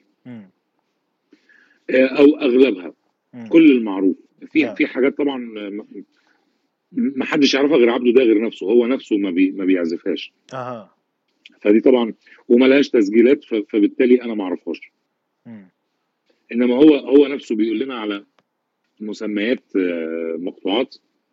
إحنا ما نعرفهاش بنت مش أنا بس كل و... الموجودين بنت الحتة ومش عارف إيه وكل مرة ب- بنسمعه مثلا قصص كده من مثلا آه آه. مثلا. أنا شخصيا ما أعرفهاش ولا عمري شفته عزفها. ولا مش أنا بس ولا حد. يمكن كان في عصر من العصور بيلعبها مع. اجيالنا. ما عنديش معلومة آه بس ملهاش تسجيل الحقيقة إن إن لا ليها تسجيل ولا ولا نقدر نقول آه، إن إن فلان حافظها. آه، في مثلا الليلة المحمدية. آه، اتلعبت مرة في حياته أنا أنا حافظها بس أنا ما لعبتهاش معاه غير مرة يمكن. آه، حتى ما يعني لازم نقعد نجمع فيها ما أقدرش أعزفها لك دلوقتي. لازم أقعد استجمعها حاجة نعم يعني ما خدتش ما خدتش السوى الكامل زي بقية المقطوعات. آه، لا, لا هو بقى عبده ده غير ذكائه كان في إيه. المجموعة اللي قاعدة فيها اتنين تلاتة آه، جداد أو ضعاف. ما يلعبش المقطوعات الصعبة. يعني مثلا هو عنده مقطوعة اسمها المشربية. المشربية يقول لك عبده ده غير يقول من من من بق غير من. كلامه يقول لك اللي يلعب المشربية يلعب أي حاجة خلاص. اللي يعرف يلعب المشربية يلعب أي حاجة فما يبقاش قدامي اتنين تلاتة جداد وأروح نعم لاعب المشربية نعم لا أستناهم لما. لما يسكتوا أو يقعدوا على جنب لوحدهم يبطلوا عزف وألعب مع المجموعة القديمة المشربيه نعم. ما ما ألعبش ألعب بقى الحاجات البسيطة اللي هي اللي ينفع يلعبوها. لونجا مثلا يعني دايما هو بيبدأ مع مع ال- العازفين. ده بلونجا نهاوند نعم. ليه؟ ما فيهاش سيكه مم. وفيها طاقم عازيه آه، سريعة. إنما آه، سهلة. أنت بتتكلم عن اللونجا الجديدة مش النيل القديم. سهلة على العازف اللي لسه. اللي هي دوسي دوري مي دوسي دوسي دوري مي ري، دوسي دوري مي فا مي إيه. فا سي. نعم. نعم. دي اسمها إيه بقى؟ دي لونجا نهاوند في دي اسمها لونجا نهاوند إيه في في النيل آه. القديم برضو. آه. أيوه. في في النيل والنيل القديم. أيوه صح. تمام ممتاز واضحة كويس. ال- الصورة. جميل جدا. آه. بس هو عم الم... دي, عبده دي يعني. اي عم عبده يعني أنت أكيد يعني بالنسبة له يعني أنت أكيد عارف قصصه. بس يمكن نسألك سؤال هو متى بدأ التدريس؟ والجلسة دي النوع دي من الجلسة يعني من شبابه ولا بص هو أنا ما أقدرش أقول من شبابه لأن. عبده ده غير زي أي إنسان كان بيبني نفسه في شبابه يعني ما-. في الوقت ده كان هو يعني بيفكر أكتر في أكل العيش وال- والشغل والكلام ده كله يعني. بيسعى لرزقه يعني وإن هو يبني بيت وأسرة وعيال و... ومصاريف مدارس ومش عارف إيه. هيجيب المصاريف دي منين نعم فطبعا طبعا الوقت ده ما كانش فيه كده. إنما في الوقت بتاع آه، الفرقة العربية أول ما ابتدت الفرقة العربية من هنا ابتدى عبده داغر يفتح بيته. للناس عشان يتمرنوا على مزيكته. وابتدت الحكاية مع عازف الناي الشهير طبعا مثلا نسينا ذكر اسمه الأستاذ سيد أبو شفة. من أشهر وأجمل عازفين الناي على مر التاريخ نعم الأستاذ سيد أبو شفة كان آه، عاشق والأستاذ سامي البابلي طبعا. عاشقين لعبده داغر. ودول كانوا ثلاثة جروب وكانوا بيلعبوا مع عدوية. وانت لو لاحظت هتلاقي الثلاثة بيلعبوا عبده داغر ب- بأصوات آلاتهم. صحيح. كويس بس لو ركزت شوية هتلاقي الثلاثة بيطلعوا صوت واحد. مهم. نوعية الصوت واحدة بس نعم. الآلة اللي مختلفة. نعم. شيء شيء غريب جدا. كانوا مرتبط كانوا مرتبطين بداغر جدا جدا مهم. رحمة الله عليهم يعني. نعم. ف ابتدى عبده داغر عايز يطلع على المسرح يعرض مزيكته. طب عايز يحفظ الناس هيحفظهم فين؟ مهم. تعالوا لي البيت. نعم. فابتدى ابتدت من هنا الحكاية. تعالوا البيت حفظهم المزيكا. طلعوا لعبوها على المسرح. كانوا زمايله يعني عادي يعني. ابتدى من هنا إن فلان عايز يحفظ زي ما دول حفظوا. طب تعالى لي البيت. طب أنا مش هتحفظني بقى يا عم عبده؟ مش هتحفظني بقى المزيكا الحلوة دي. تعالى البيت. نعم. ابتدى يبقى البيت ده معهد مص- معهد في, في, في بيت عبده داغر دون أن يقصد. نعم تلقائي. وابتدى بعد كده بقى يا عم عبده مم. آه ابتدى يتفرغ بقى للحكاية دي. هو خلاص عنده ورشة الدعوات دي. دي اللي بتصرف على البيت وبتصرف على الأولاد والكلام ده. بيتابعها الصبح. بيصحى من النوم يتابعها يروح يشوف الورشة بتاعته وحاجته وحاله وماله. وبالليل يشتغل على ال ال ال الورشة العمل اللي إحنا بنتكلم عليها دي. المعهد بتاعه. جميل جميل يا أو أستاذ مشروعه الخاص أو مم. طيب أنت أستاذ في المعهد ومطلع على الموسيقى الكلاسيكية الغربية وأكيد شايف مناهج شرقي كمانجا ولا غير كمانجا إيش منهج عم عبدو داغر؟ طبعا أكيد مش منهجه الصفحتين دول المتداولة المطبوعة والمنوتة ب... لا طبعا بغض لا. النظر آه، أيوة. لا طبعا لا عبده داغر مش كده لا مش الصفحتين دول. أنا أنا للي مش عارف يعني أنا الحقيقة مدرس آه، للكمان الغربي. كمانجا كلاسيك. نعم. مدرس في المعهد العالي للموسيقى العربية بس مدرس كمانجا كلاسيك مش مش عربي. نعم. ده للأسف يعني. ليه بس؟ آه، لا عشان عشان أنا أنا بحب الحقيقة أنا بحب الموسيقى العربية.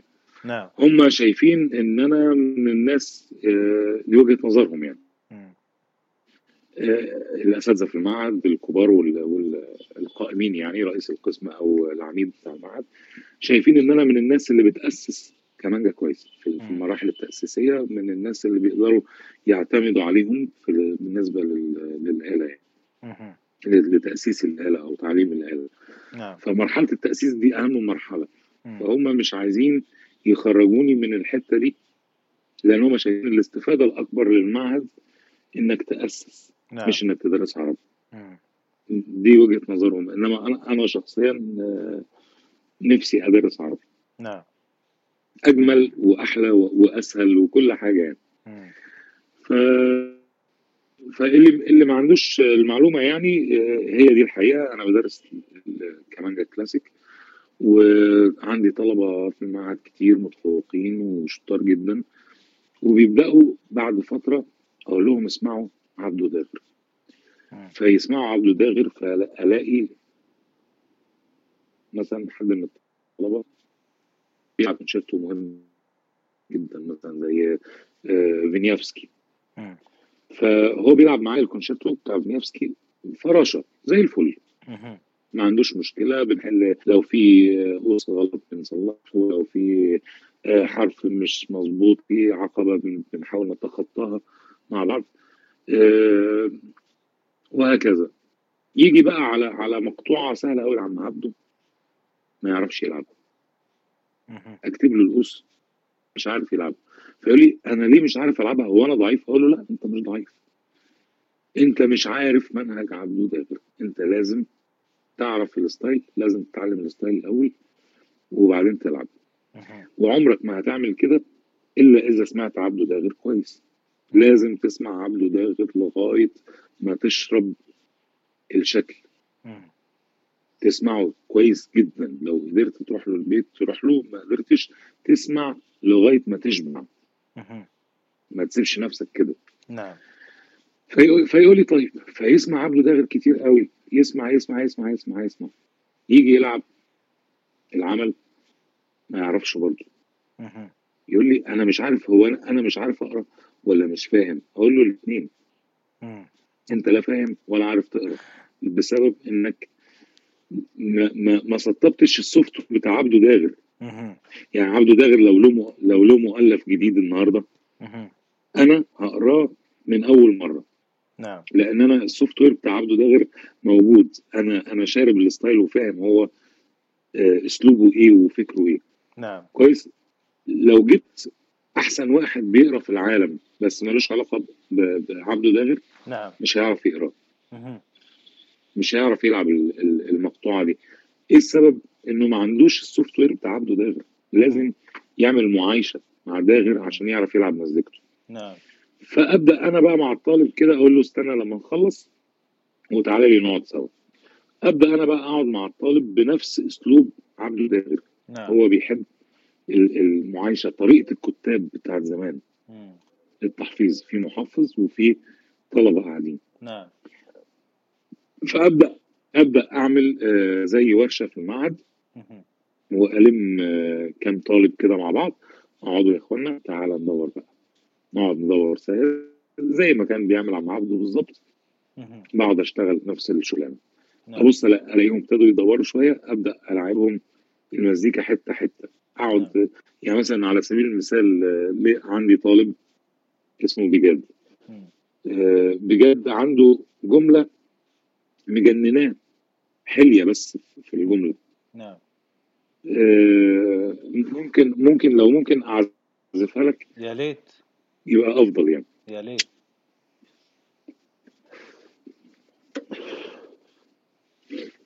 بسم الله.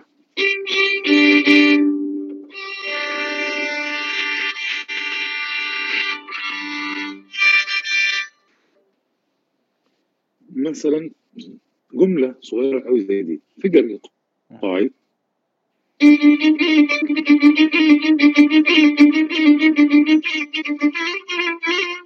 هو عايز يلعبها كده. بص في السرعة هتبقى عاملة إزاي؟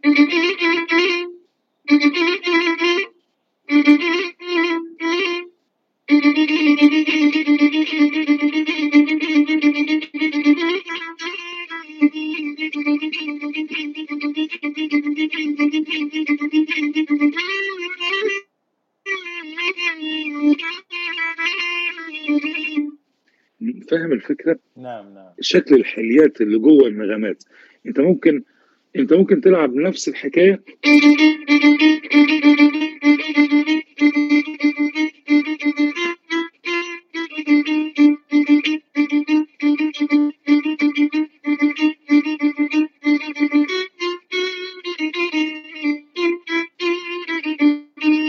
هي دي مزيكة عبد لا طبعا.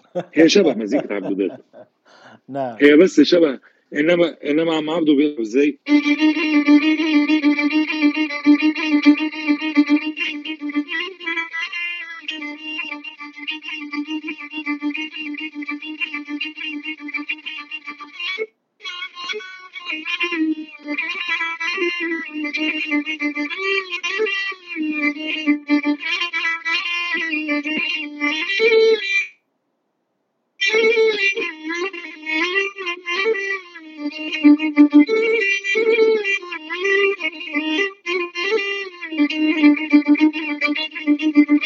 وهكذا. الله الله. تسلم الأنامل والله. وهكذا. يبدأ. نعم. الله مم. الله يسعدك يا رب. فيعني الولد بيجي لي عشان أقعد أقول له شكل الحلية دي إزاي ودي اللفة من فوق ودي اللفة من تحت. مش هينفع التفاصيل كده مش هينفع. لازم يبقى في معايشة. لو لو انت عايش مع عبده داغر هتلعب التفاصيل دي دون أن تدري. نعم نعم. بدون مجهود. مش مش لازم تقعد تفسر تفسر التفاصيل دي كلها. هتلاقي نفسك بتلعب التفاصيل دي كلها لوحدك. نعم. لو انت عامل معايشة مع عبده داغر أو أو بتتعامل معاه بصفة يومية ال software موجود خلاص. ال setup موجود. يمكن أستاذنا يعني التفاصيل بتعرقل الفهم وبتعرقل الذوق. يعني بيصير في تفكير زايد. وانت بتعزف خلاص بتموت يعني. ب- بتبوظ. ب- بتموت الأداء. مم. نعم. بالظبط. جميل جميل. طيب الآن ال- قطع آه، عم عبده داغر وتمارينه اللي تخترع يمكن وقت الحاجة أو على الشغل اللي بنشتغله لحظة الجلسة؟ هل بنحتاج أشياء أو على خارج؟ أو على mood اليوم. أو على mood اليوم هل بنحتاج أشياء خارج الذوق ده يعني مثلا بنستلف سلم عربيجة من هنا قطعة غربية من هنا ولا أغاني عبد الوهاب ولا ولا دي حاجات بتيجي يعني كتير بيحصل مم. لا لا لا لا بالعكس بالعكس مم. كتير جدا بيحصل تلاقي المود فجأة كده فتلاقي عم عبده بيلعب شمس الأصيل مثلا مم. هو بيحب السنباطي وعبد الوهاب جدا يحب. أم كلثوم حاجة السنباطي.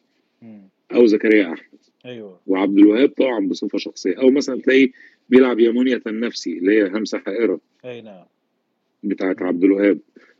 تبص تلاقي فجأة كده عم عبده راح راح مودينا في حتة ملهاش دعوة خالص. باللي إحنا فيه فجأة مم. هو حتى ال- الهنود عندهم الحكاية دي على فكرة وأنا. مؤمن بيها جدا. إن كل يوم كل يوم في علاقة بالطاقة الإيجابية. أو أو الطاقة اللي موجودة في الدنيا بالمقام المستخدم. يعني ليه ليه النهارده نلعب ال- المشربية مثلا ما نلعبش آه، بياتي شوري. ما نلعبش سماعي شوري. ليه النهارده نلعب سماعي كرد ما نلعبش آه، النيل. ليه النهارده كل يوم وليه موده كل. يوم وليه طاقته اللي تحس إنك إنك محتاج المقام ده والمقام ده النهارده له شكل. وبكرة له شكل مش في الأبعاد في التفاصيل في الروح.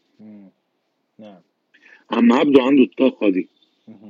الطاقة بتاعت ال- ال- النهارده شكله كذا هو طبعا هو نفسه مش مش مركز في الحكاية. بس هي بتطلع منه بطريقة فطرية. الهنود كده على فكرة يقول لك لا لا لا النهارده مفيش كذا النهارده مثلا مقام كذا مم. النهارده هنفضل في مقام كذا ده مدى الحياة لأن الكوكب الفلاني آه، متعارض مع الكوكب الفلاني واللي هيعمل كذا يبقى كذا عندهم والله عندهم علم كده فعلا آه، هو وأنا مصدق العلم. النظريات النظريات القديمة برضو في النغم كانت بتهتم مظبوط. جدا بالبروج وال- والأمور دي والدائقة حضارة عظيمة حضارة. عظيمة مفيش كلام نعم و- نعم وفنانين كبار مم.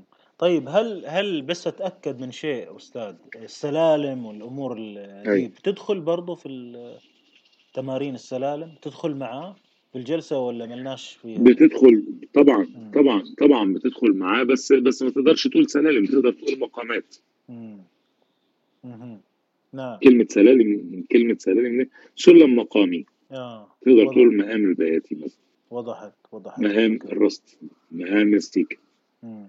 هل بيركز عم عبده في في الجلسات دي على تكنيك على حلية آه، جمالية معينة ولا بيتلقفها التلميذ من خلال الملاحظة ولا بي- بيشرح له؟ خلي صباعك هنا لا اسحب بيركز. كده. آه، بيركز جدا ان إن الأول يظبط النغمات. مم. ما, بي ما بيحطش حليات إلا والنغمات تبقى في مكانها. نعم. يبدأ بعد كده في إضافة الحليات. نعم. ويبدأ يعلم الطالب شكل بتاعة الموسيقى العربية عموما اللي هي عبده داغر طبعا. إيه. بس بس عموما هي بتاعة موسيقى عربية. نعم نعم. بيجلس يعني يشرح مثلا vibrato معين أو بيشرح ال trill لا لا لا لا لا. لا, لا, لا بال- بالمعايشة لا بالمعايشة. انت هو بيعزف قدامك وأنت بتقلده زي الكتاب بتاع زمان. زي الكتاتيب بتاع زمان. آه، ما أعرفش أنتوا عندكم كتاتيب زي عندنا ولا لا. إيه لا كلنا. بس إحنا كان كلنا آه، كان زمان- المشق طريقة المشق آه. أو التلقين ال- الكتاتيب. بالظبط كده بالظبط بالظبط. كده. مم. تمام. يعني ال- الأمور واضحة بالنسبة لهذا الشيء وأنا يعني مش عارف عم عبده داغر هو بيحب المشايخ وعارفين تسجيلات مع المشايخ و... ويمكن أنت ذكرت لي قصة الاستفزاز اللي مع جدا جدا ولغايه. النهارده نعم. آه لا الشيخ عمران آه، تفاصيل كتير في حياتهم مع بعض أنا ما حضرتهاش صحيح. بس تفاصيل كتير في حياتهم مع بعض. كويس يجي آه، هو هو أساسا لغاية النهارده يقول لك اسمع الشيخ عبد الفتاح الشعشاعي اسمع الشيخ علي محمود اسمع الشيخ مش عارف مين. يقعد يرص لك كده شوية مشايخ بتوع محمد رفعت طبعا. إيه. آه، الشيخ آه، عمران يقول لك أنا اللي علمته عمران. هو بيدعي يا عم عبده إن هو هو اللي علم الشيخ عمران. ودي طبعا حقيقة إحنا ما عرفناش الشيخ عمران غير مع عبده داغر. آه، حتى نسمع عرب شوف- عرب في صوت عمران شبيهة بكمنجة مظبوط مظبوط والعكس مظبوط بالعكس. مظبوط. هو هو طبعا هو طبعا الشيخ عمران موهبه خارقه آه، بس اتأثر جدا بعبده داغر وهو من أهم أسباب حلاوته يعني. فيقول لك اسمع المشايخ هو دايما يقول لك الموسيقى العربية يعني هو رأيه في الموسيقى العربية بوجه عام إنها خرجت من القرآن الكريم. نعم. آه، آه، من من التلاوة ومن التجويد ومن الكلام ده كله هي من هنا من هنا خرجت الموسيقى العربية والمقامات العربية. نعم صحيح. و... من التجويد من ال- من القراءة من القراء والابتهالات. نعم. أي هو طبعا بينبه يعني عم عبده على موضوع البعد عن التلوث. لأن أنت بتاخذ المقام غير ملوث ب... بآلات مثلا معدلة مم. أو أو حليات مثلا جديدة تكنيك جديد ما يشبه الموسيقى الشرقية وغير مناسب فيمكن هذا الشيء اللي يلمح له ها؟ لما يقول مظبوط هو عبده داغر بيتميز من مميزات عبده داغر إنه بيلعب. حرف طبيعي. في فرق بين الحرف الطبيعي وال... أو السلم الطبيعي أو المقام الطبيعي والمقام المعدل. إيه الفرق بين الاثنين. المقام المعدل ده اخترعوه مع البيانو. علشان يبقى فيه آه، تجانس أو هارموني أو أو تآلف ما. بين النغمات وبعضها نعم. فكان زمان في حاجة اسمها المقامات الكنسية. نعم. هم هم سبع مقامات أساسية معروفين. آه، يعني مثلا من الدو للدو ده سلم دلوقتي اسمه ماجير. نعم. كويس. هو مثلا كان اسمه وقتها أيولي مثلا. نعم. آه، وبعدين من الري للري وبعدين من المي للمي ومن الفا للفا كله على الدرجات البيضاء. نعم. الدرجات البيضاء اللي على البيانو. كله أبيض. نعم. كل مقام كان له طبيعته. في شكله. لما جم ابتدوا يعملوا السلم المعدل يضيفوا لعلامات التحويل عشان يبقى في تصوير للمقامات. الكورال مثلا أو المطرب مش قادر يقول خلاص من الدرجة دي. نعم. فعايزه يقول من الدرجة دي. هيعمل إزاي؟ لازم يصور ينقل المقام صحيح. عشان ينقل المقام لازم يبقى فيه التحويلات بتاعت الصوابع السوداء اللي موجودة في البيانو. مم. كويس. فمن هنا ابتدى يبقى فيه سلالم مختلفة. نعم. دي بداية دي بداية الحكاية. آه، عشان يبقى يحافظوا على الأبعاد اضطروا يعملوا السلم المعدل اللي موجود حاليا. نعم. اللي هو اللي بتسمع بتسمعه من الأورج بتسمعه من البيانو بتسمعه من ال- الجيتار اللي هو فيه دساتين نعم. أي آلة ثابتة مم. أي آلة ثابتة هتسمع منها سلم معدل الاكورديون أي الفلوت. ثابتة. نعم. إلى آخره. ال- لا الفلوت يقدر يلعب مقام طبيعي لأنه مقام لأنه لأنها آلة مفتوحة يعني. مهم. آه على حسب بقى أنت ما بتسمع إيه ونشأت على إيه بتلعب المقامات دي. اللي نعم. حصل إن عبده داغر لازال بيلعب من من القلائل في العالم اللي لازال بيلعب مقام طبيعي مهم. الفاء غير الفاء بتاعت البيانو السول ال- اللا ال- السي علاقة الأبعاد ببعضها علاقات طبيعية دي جاية من فطرته هو عنده فطرة في الأداء. كويس وفطرة في المزيكا. هو بيتعامل مع الفطرة دي فبيطلع منه المقام الطبيعي بتاع ربنا زي ما خلقه ربنا كده ال- اللي دخل عليه التعديل الآدمي مم. ده كلنا غصب عننا اتلوثنا بيه. حتى أنا ليا سؤال مشهور قوي مع مم. آه، الناس بتت... يعني تداولوا بعدي يعني. نعم. إن عم عبده أنا لما باجي لك بلعب مقام بحس إنه حلو قوي نعم. باجي أروح المعهد أجي أروح المعهد بكرة مثلا أو أو آه، عندي شغل بكرة مثلا أروح الحفلة الفلانية الاقي نفسي برجع بلعب زي الناس. مش عارف ألعب زي ما كنت بلعب عندك. فردوا عليا عجيب جدا. قال لي يا ابني أنت بتخرج بتخرج من عندي بتسمع كام كلاكس لغاية ما توصل البيت. بقول له كتير قوي. قال لي بي- بيقابلك كام آه، تريلا وكام أتوبيس وكام آه، وكل دول بيمشوا يض- يضربوا كلاكسات. وأنت ماشي بتسمع كام واحد مشغل مهرجانات ومشغل آه، مزازيك مش عارف إيه كل ده تلوث في ودنك. إنما أنا قاعد في البيت قافل عليا باب بيتي هو عم عبد الله بيخرج ولا بي- بيخرج يدخل الجامع أو يروح الورشة بتاعته أو آه، يقفل عليه باب بيته ويقعد يذاكر. نعم. أنا قافل على نفسي لا بسمع مزيكا من الحاجات دي ولا ليا دعوة بحاجة. الورشة جنب البيت والجامع لازق في البيت وأنا قافل عليا بابي. نعم. لما بفتح الراديو بسمع المشايخ وبسمع ال- الناس اللي بتغني طبيعي. انما أنا نفسي لو تعرضت للتلوث ده ما أنا هبوظ زيكم. هيبوظ مني هيبوظ مني المقام زيكم بالظبط. نعم نعم. إنما أنت لما لما, لما بتيجي بتلاقيني بلعب طبيعي ودنك بترتاح للطبيعي ده. نعم. للمقام للمقام الحلو اللي أنت سامعه حلو ده. فبتيجي معايا. بس. نعم. قلت له طب اشمعنى هو ثابت عندك؟ نعم. يعني اشمعنى هو ثابت عندك ومش ثابت عندنا؟ نعم. بيتغير على حسب ال ال ال الوضع. أو المحيط اللي أنا فيه. يقول لي هو كده عشان التلوث اللي أنا بحكي لك عليه. تخرج تسمع أغنية من فلان ولا علان. هو خلاص ما بقاش فيه ذوق عام يعني ال- الناس اللي بتسمع سين وصاد وعين. غير زمان كنت تفتح الإذاعة تسمع عبد المطلب تسمع عبد الوهاب تسمع أم كلثوم تسمع الصنباطي تسمع فوزي. نعم. يعني كل المطربين ليلى مراد اسمهان كل المطربين مشايخ آه، الابتهالات التلاوة آه ال- بالظبط كده. كل دول كانوا مستويات. آه فظيعة. فبيقول لي انت متربي كويس وبعدين ما كانش في تلوث كان كام عربية في الشارع كله. الشارع كله كان فيه كام عربية. نعم. حياة تانية وعيشة تانية. فطول ما طول ما انت بتنزل الشارع هيبوظ منك. بتعرض نفسك لتلوث سمعي بيبوظ لك الماء في ودنك نعم. غصب عنك. جميل جميل. طيب أستاذ الآن ال- الطلاب آه، بيتخرجوا من المعاهد بغض النظر غربي شرقي آه، آه في ناس آه، خارج مصر في أجانب في كل الأنواع. هم بيجوا لعم عبده داغر ليه؟ عشان بيلاقوا عنده اللي, ما بي... اللي مش هيلاقوه في حتة. نعم. أنت بتروح عندنا مثلا في مصر آه، سين من الناس مثلا. بيعمل بسبوسة حلوة قوي. اللي عايز ياكل بسبوسة يروح الحلمية يجيب بسبوسة من حلوان الحلمية نعم أحلى بسبوسة في مصر طول التاريخ يعني من من من 50 سنة وهي نفس الطعم مم.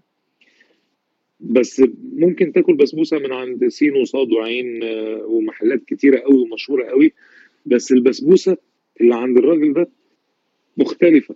نعم. إيه اللي يخليك إيه اللي بيخليك تروح له؟ مم. انه إنه عنده الطعم الأصلي للبسبوسة. كل دول بيقلدوه. هو الأصل. نعم. مم. هو اللي عامل البسبوسة اللي بجد الأصلية. فبترجع تلف وتروح له. زي عم عبده بالظبط.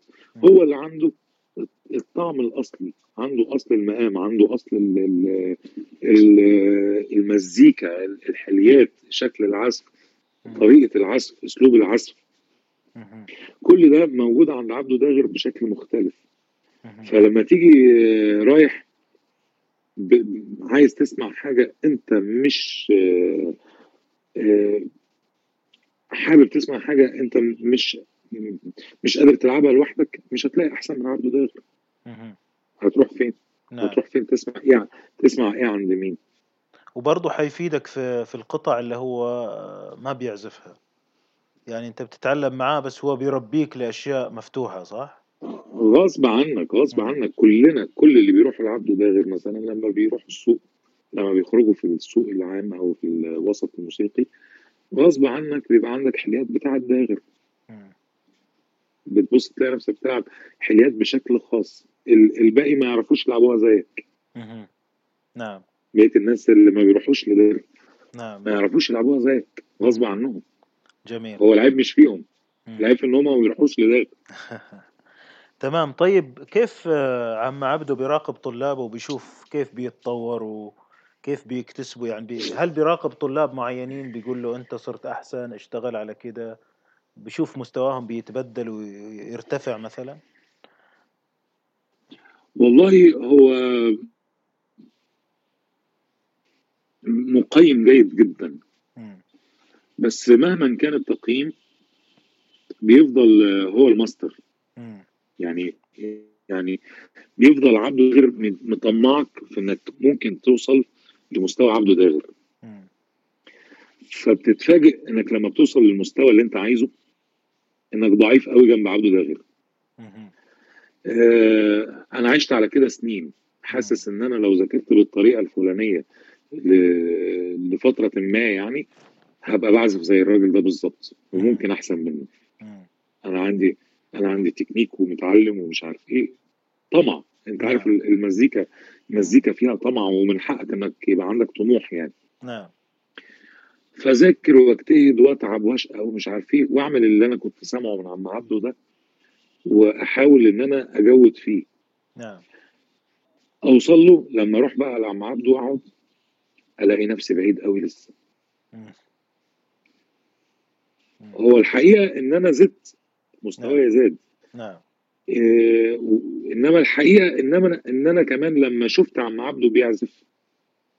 حطيته في حتة قريبة لأن أنا مستواي غير مؤهل لتقييم عبده داغر فأنا فاهم إن هو قريب. فكل لما أروح في الحتة القريبة اللي أنا راسمها له فيها دي ألاقيه أبعد. متخيل؟ نعم. فأقول طيب ما أنا هعمل كذا كذا كذا آه هو دلوقتي أحسن مني في كذا وكذا وكذا وكذا. طب أنا هشتغل على الحتة دي. فأقعد أشتغل على الحتة دي لغاية ما أوصل له. كويس؟ أوصل للحتة دي. فالاقيه أبعد.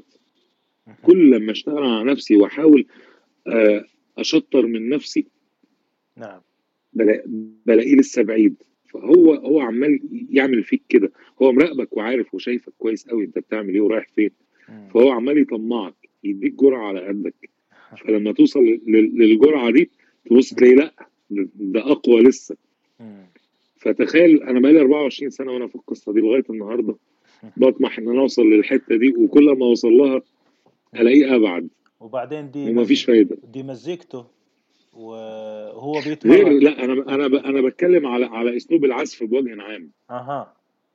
نعم. أنا أنا آه أنا عايز أقول لك إن عم عبده نفسه مش مش حافظ مزيكته زي ما أنت متخيل يعني. على الرغم إنه طبعا أكتر واحد لعبها بس هو بينسى هو شخصيا بينسى. ما ما.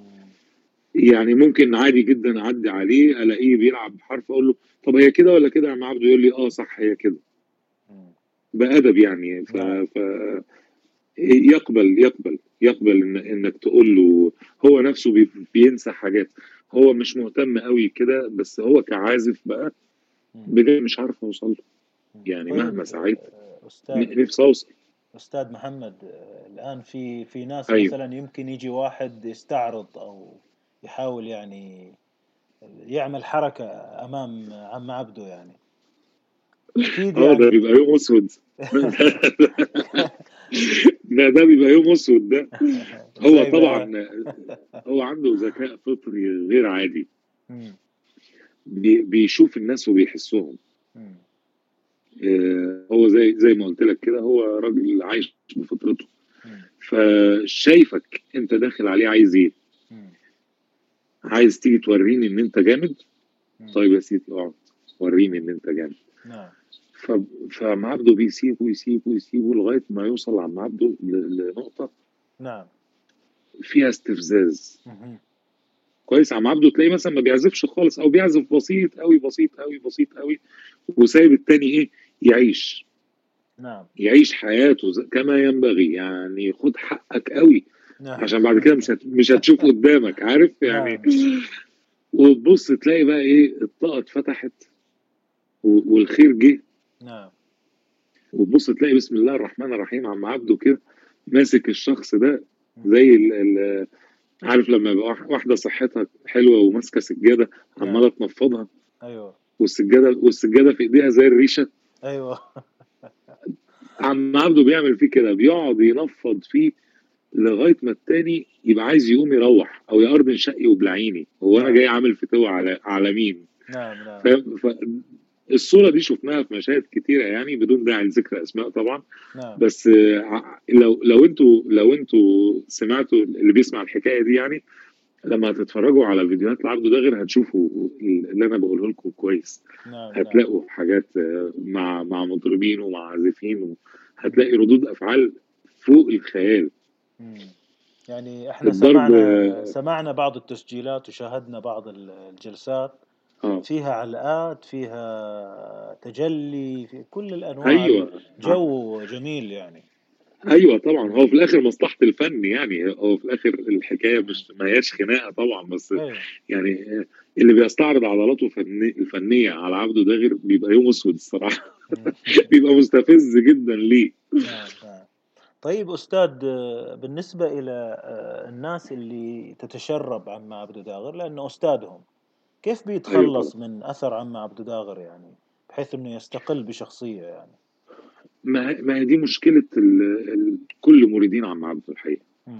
هو هو شخصيته مؤثرة جدا مؤثرة بقوة على. على المريدين بتوعه أو على ال- الزائرين اليوميين نعم فبيجي عليك يوم تلاقي نفسك. فين ما تروح تعزف عبده داغر. تعزف كأنك بتلبس العامية بتاعته. تبقى شخ- شخصيتك في العزف عبده داغر. وطبعا أي عازف بنحب شخصيته المنفردة. نعم. آه طبعا عبده داغر أستاذي وكل حاجة. بس آه، أنا غصب عني لازم آه، ألعب من حليات عبده داغر ألعب من أشكال عبده داغر. إنما آه، أشكال العزف أو ستايلات العزف يعني إنما مش لازم وأنت تسمعني تقول ده عبده داغر بالظبط هو ده بقى اللي بيحصل دي المشكلة اللي بتحصل. إيه ده إيه ده إيه ده إيه ده ده عبده داغر ولا مين ده؟ بس هو مش صوت عبده داغر بس أنا حاسس إن عبده داغر عارف اللي بيسمع؟ أي يقول نعم كده. نعم. بتوصل لمرحلة إنك مش قادر تخرج براه.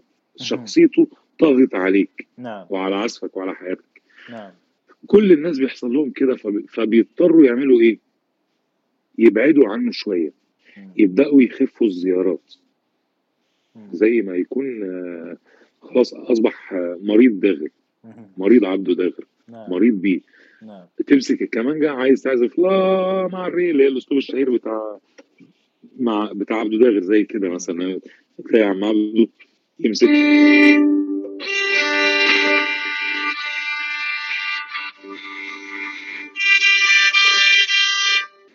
يمسك الله مع الري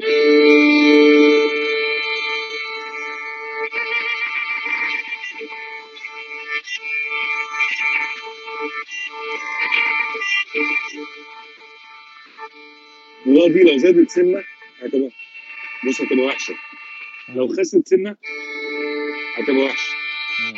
هي ليها مكان غصب عنك كل ما بتيجي تمسك كلام تلاقي نفسك بتعمل كده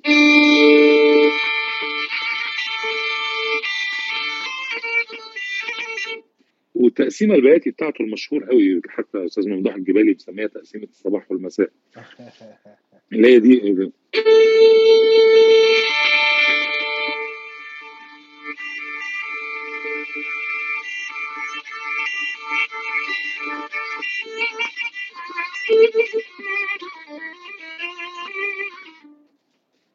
مثلا يعني دي مقدمة التقسيمة دي كل هتلاقي كل الناس حافظينها وفي أي حتة في أي جملة. جملة بياتي ولا حاجة هتلاقي كل الناس بتدور عليها لغاية النهارده لسه قريب سامع محمود سرور بيلعبها في تقسيمه ليه. غصب عنه مش بمزاجه. كلنا اتأثرنا. مش معنى كده إنه عازف ضعيف ولا عازف آه، آه، عادي ولا أي حاجة من ولا ما عندوش خيال. لا لا لا سمح الله. متأثر بيه غصب عنه لغاية النهارده بص محمود سرور بقاله كام سنة ما راحش لعم عبده. داخل في 15 20 سنة مثلا ما راحش لعم عبده نعم أو أو ما راحش قعد بصفة يومية يعني ممكن يكون في زيارات كده. يعني من بعيد لبعيد وما فيهاش مزيكا مثلا ولا حاجة. إنما آه، يعني هو فصل عن عبده مثلا من 15 20 سنة. هل تتخيل إن إن إن لغاية النهارده محمود سرور متأثر بيه. نعم. متأثر بعبده ده غير. مش ممكن. حاجة آه، راجل عجيب. غصب عنك بتلبس شخصية. عشان تخرج من الشخصية دي بقى ويبقى لك شخصيتك المستقلة لازم تبعد شوية. هو ينصحكم بدل ما- عم عبده بينصحكم تبتعدوا لا لا لا لا ما ينصحناش ولاده؟ ابدا. هو هو بيحب الناس آه هو بيحب الناس آه، تكون موجودة معاه بس كمان هو فاهم. هو فاهم كويس قوي. إن اللي بعد ده بعد مش مش مشكلة ولا حاجة بل بالعكس. آه، هو بعد عشان من حقه يبقى له شخصيته. يبدأ الزيارات مثلا بدل ما كانت كل يوم تبقى كل أسبوع كل 10 أيام كل شهر.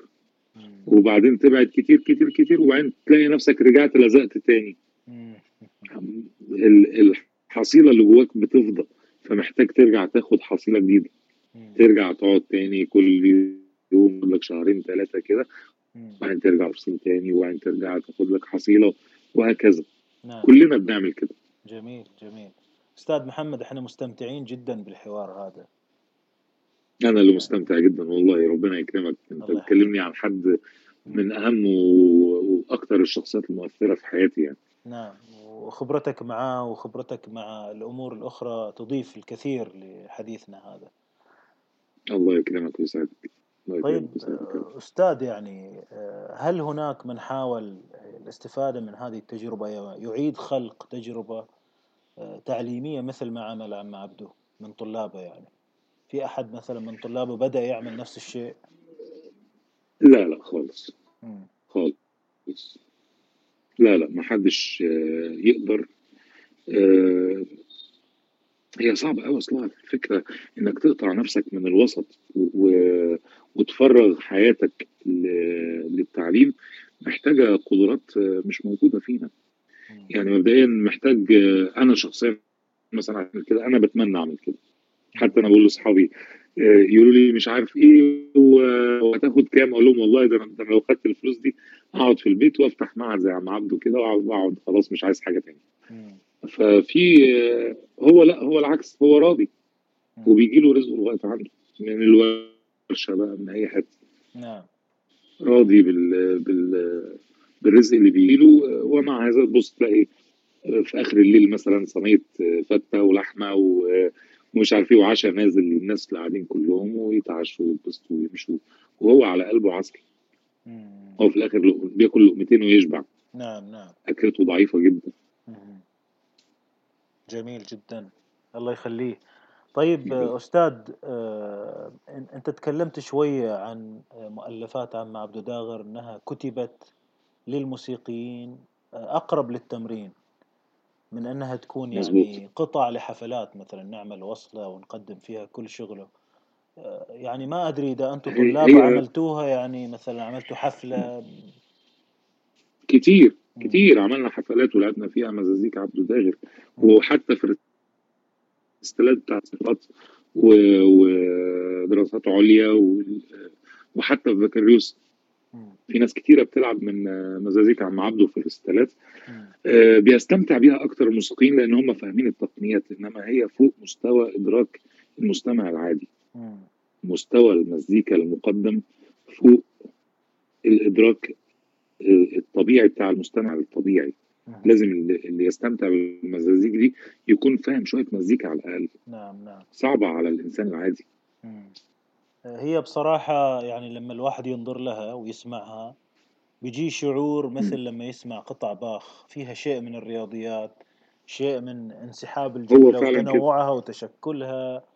آه، في تلاعب رياضي فيها. مؤلف مؤلف كأنه متأل- متعلم التأليف ال- الغربي كما. ينبغي على إيد أحسن ال- المدرسين أو المؤلفين في العالم آه، ولو إنه ما ما شافش أي قسط من التعليم في في الحتة دي. سبحان الله يعني بفطرته.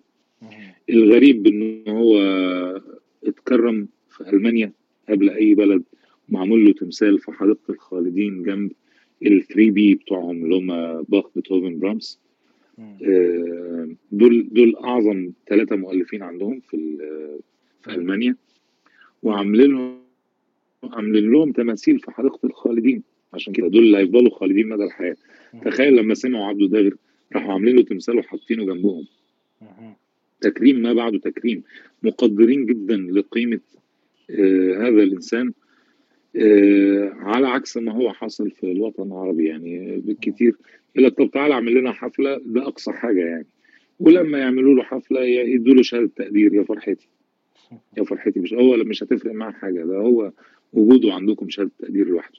إيه، يعني يكفيه طلابه شهادة ومحبة الناس و- آه. وأثره أكبر بكثير. زيارته هذا للبلد. نفسها. آه طبعا طبعا. هو مش فارقة معاه الكلام ده خالص خالص يعني. نعم. مش مستني الورقة يعني. نعم. الورقه اللي هيعلقها على الحيطة إن الدولة الفلانية كرمته. المعنويات عنده أهم من كل الكلام ده. إن يبقى له حق في في الوطن العربي يبقى له قيمته إنه يقابل حد يلاقي يلاقيه عارفه ومقدره وعارف قيمته كويس قوي هو بيبقى سعيد في اللحظات دي سعادة لا توصف. أهم عنده من أي فلوس أو أي حفلة أو أي حاجة من الحاجات دي. نعم نعم. أستاذ هل عم عبدو داغر مر بمراحل مختلفة في الذوق أو في ال- في أنواع المزيكا اللي بيألفها ويعزفها يعني لو نظرنا إلى مؤلفاته القديمة إلى. إلى اليوم إلى سفره برا إلى هل بتحس إنه تغير؟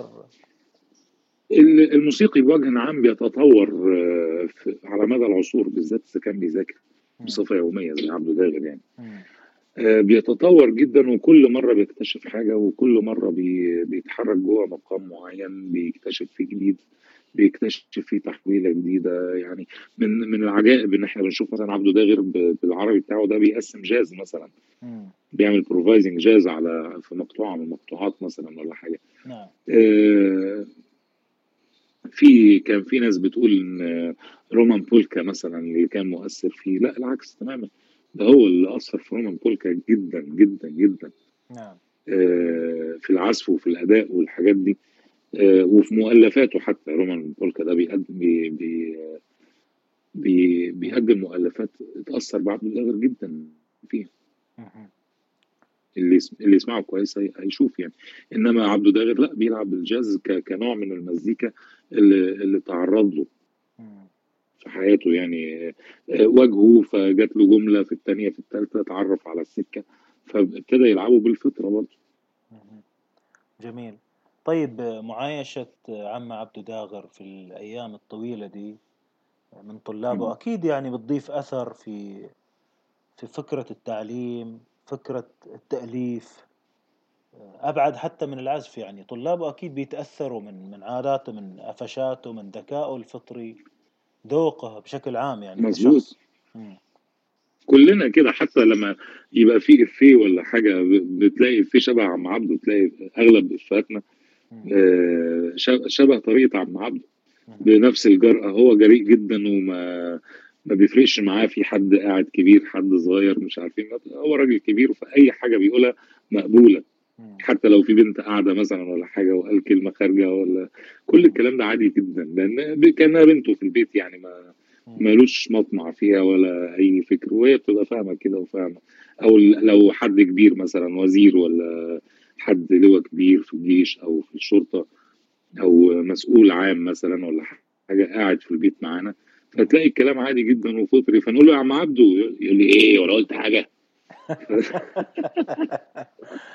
طيب نعم ف- فدي آه، أشياء كثيرة يكتسبها الواحد من المعايشة مع شخصية يمكن مركزية يعني بياخذ الجلسة و- والحكاية وكل شيء.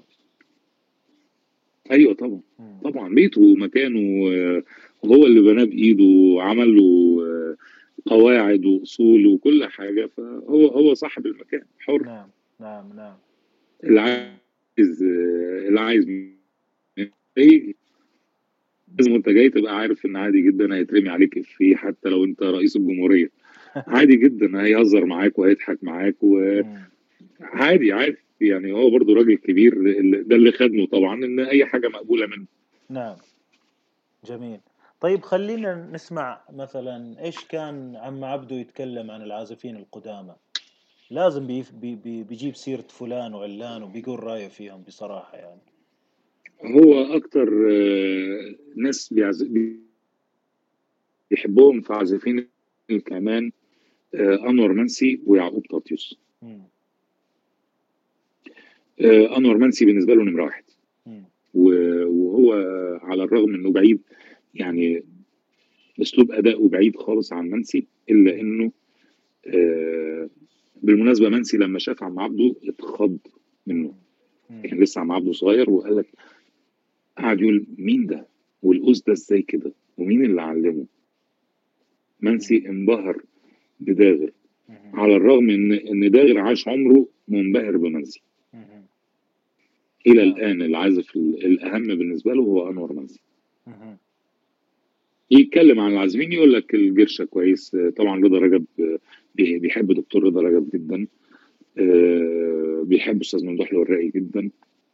آه، دول الجيل الكبير يعني. بس دول طلابه آه، يعني إنما يا أستاذ؟ دول يعتبروا آه إيه. يعتبروا من من. طلابه آه. يعني في القدام مثلا يتكلم عن منسي ويعقوب طاطيوس. منسي أهم واحد بالنسبة له يجي بعديه إيه. يعقوب طاطيوس وحفناوي وين وين راح؟ ما ما بيعبي راسه ها؟ عد- عديها بقى عديها هو هو هو شايف إن الحفناوي طبعا عازف كويس بس شايف إن إن منسي لأ حاجة مم. جميل. طيب آه، إيش اللي يشغل بال عم عبدو داغر اليومين دول؟ هو مستمر على ما هو عليه؟ هو طبعا صحته ما تسمحلوش إن هو. يستمر على ما هو عليه إنما بالذات الكسر الأخير اللي حصل له غير مفصل فيه ربي يشفيه ويعافيه ما بيقدرش يقعد فترة طويلة طبعا بالذات إن هو محتاج دلوقتي العلاج طبيعي و- وحاجات كده فإنما أول ما ربنا بي بي بيتم شفاء. بتبص تلاقي أول حاجة يعملها يمسك كمانجا ويقعد يذاكر من أول وجديد ومش عارف إيه. وفي عز ما هو مثلا 85 سنة مفيش عازف يقعد يعزف 85 سنة مم. أه تبص مثلا تلاقي عندنا حفلة وكلنا خايفين عليه. تلاقي في الحفلة عم عبده بيستدعي ال- الشيء الرباني اللي جواه. والأدرينالين يشتغل بقى تبص تلاقي عم عبده بقى شاب في العشرين من عمره. عادي جدا وحلاوة ودوزان وصوابع وخيال وفكر ونشاط وتكنيك وكل حاجة سبحان الله يعني. جميل. هات له حفلة بس كده وشوف وشوف عم عبده هيعزف إزاي. طيب مستوى العازفين. تلاقيه بقى زي الحصان على طول. مستوى العازفين اليوم يا أم، أستاذ. سواء بالنسبة لك ولا بالنسبة له هو؟ لا هو بوجه عام. ما هو بالنسبة لي هو بالنسبة له لأن أنا ابنه من نفس المدرسة يعني. ف.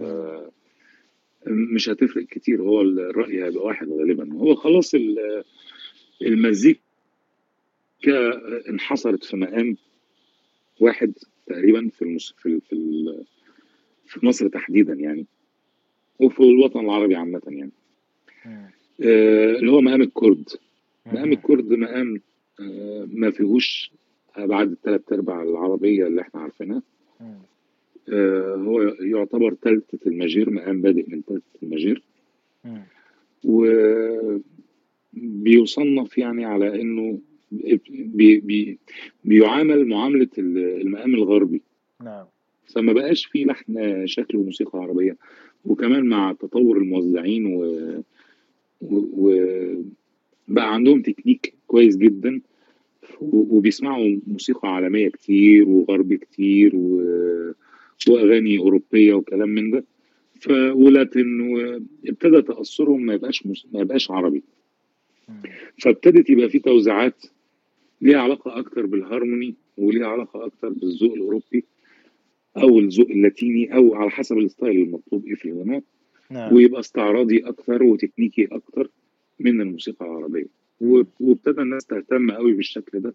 والأغنية لو ما اتعملتش ده بالطريقة دي ما تبقاش المستوى المطلوب فابتدى يبقى فيه آه، توجه عام للموسيقيين على الموسيقى الغربية والبعد الزائد. عن الموسيقى العربية. فابتدت تضعف الموسيقى العربية جدا. أو بقالها فترة يعني بتضعف طبعا ووصلت لمرحلة إن خلاص يعني اللي بيلعب عربي دلوقتي يسموه منقرض يقولوا له أنت أنت خلاص أنت ما بقاش في منك يا ابني أنت منقرض خلاص زي الديناصورات والحاجات دي يعني إيه على أساس إن خلاص إن. الجيل بتاعنا أو الشباب اللي بعدنا كمان اللي بيلعب فيهم عربي كويس بقى وحالاته نادرة يعني. هتطلع من كل جيل خمسة عازفين ولا أربعة عازفين.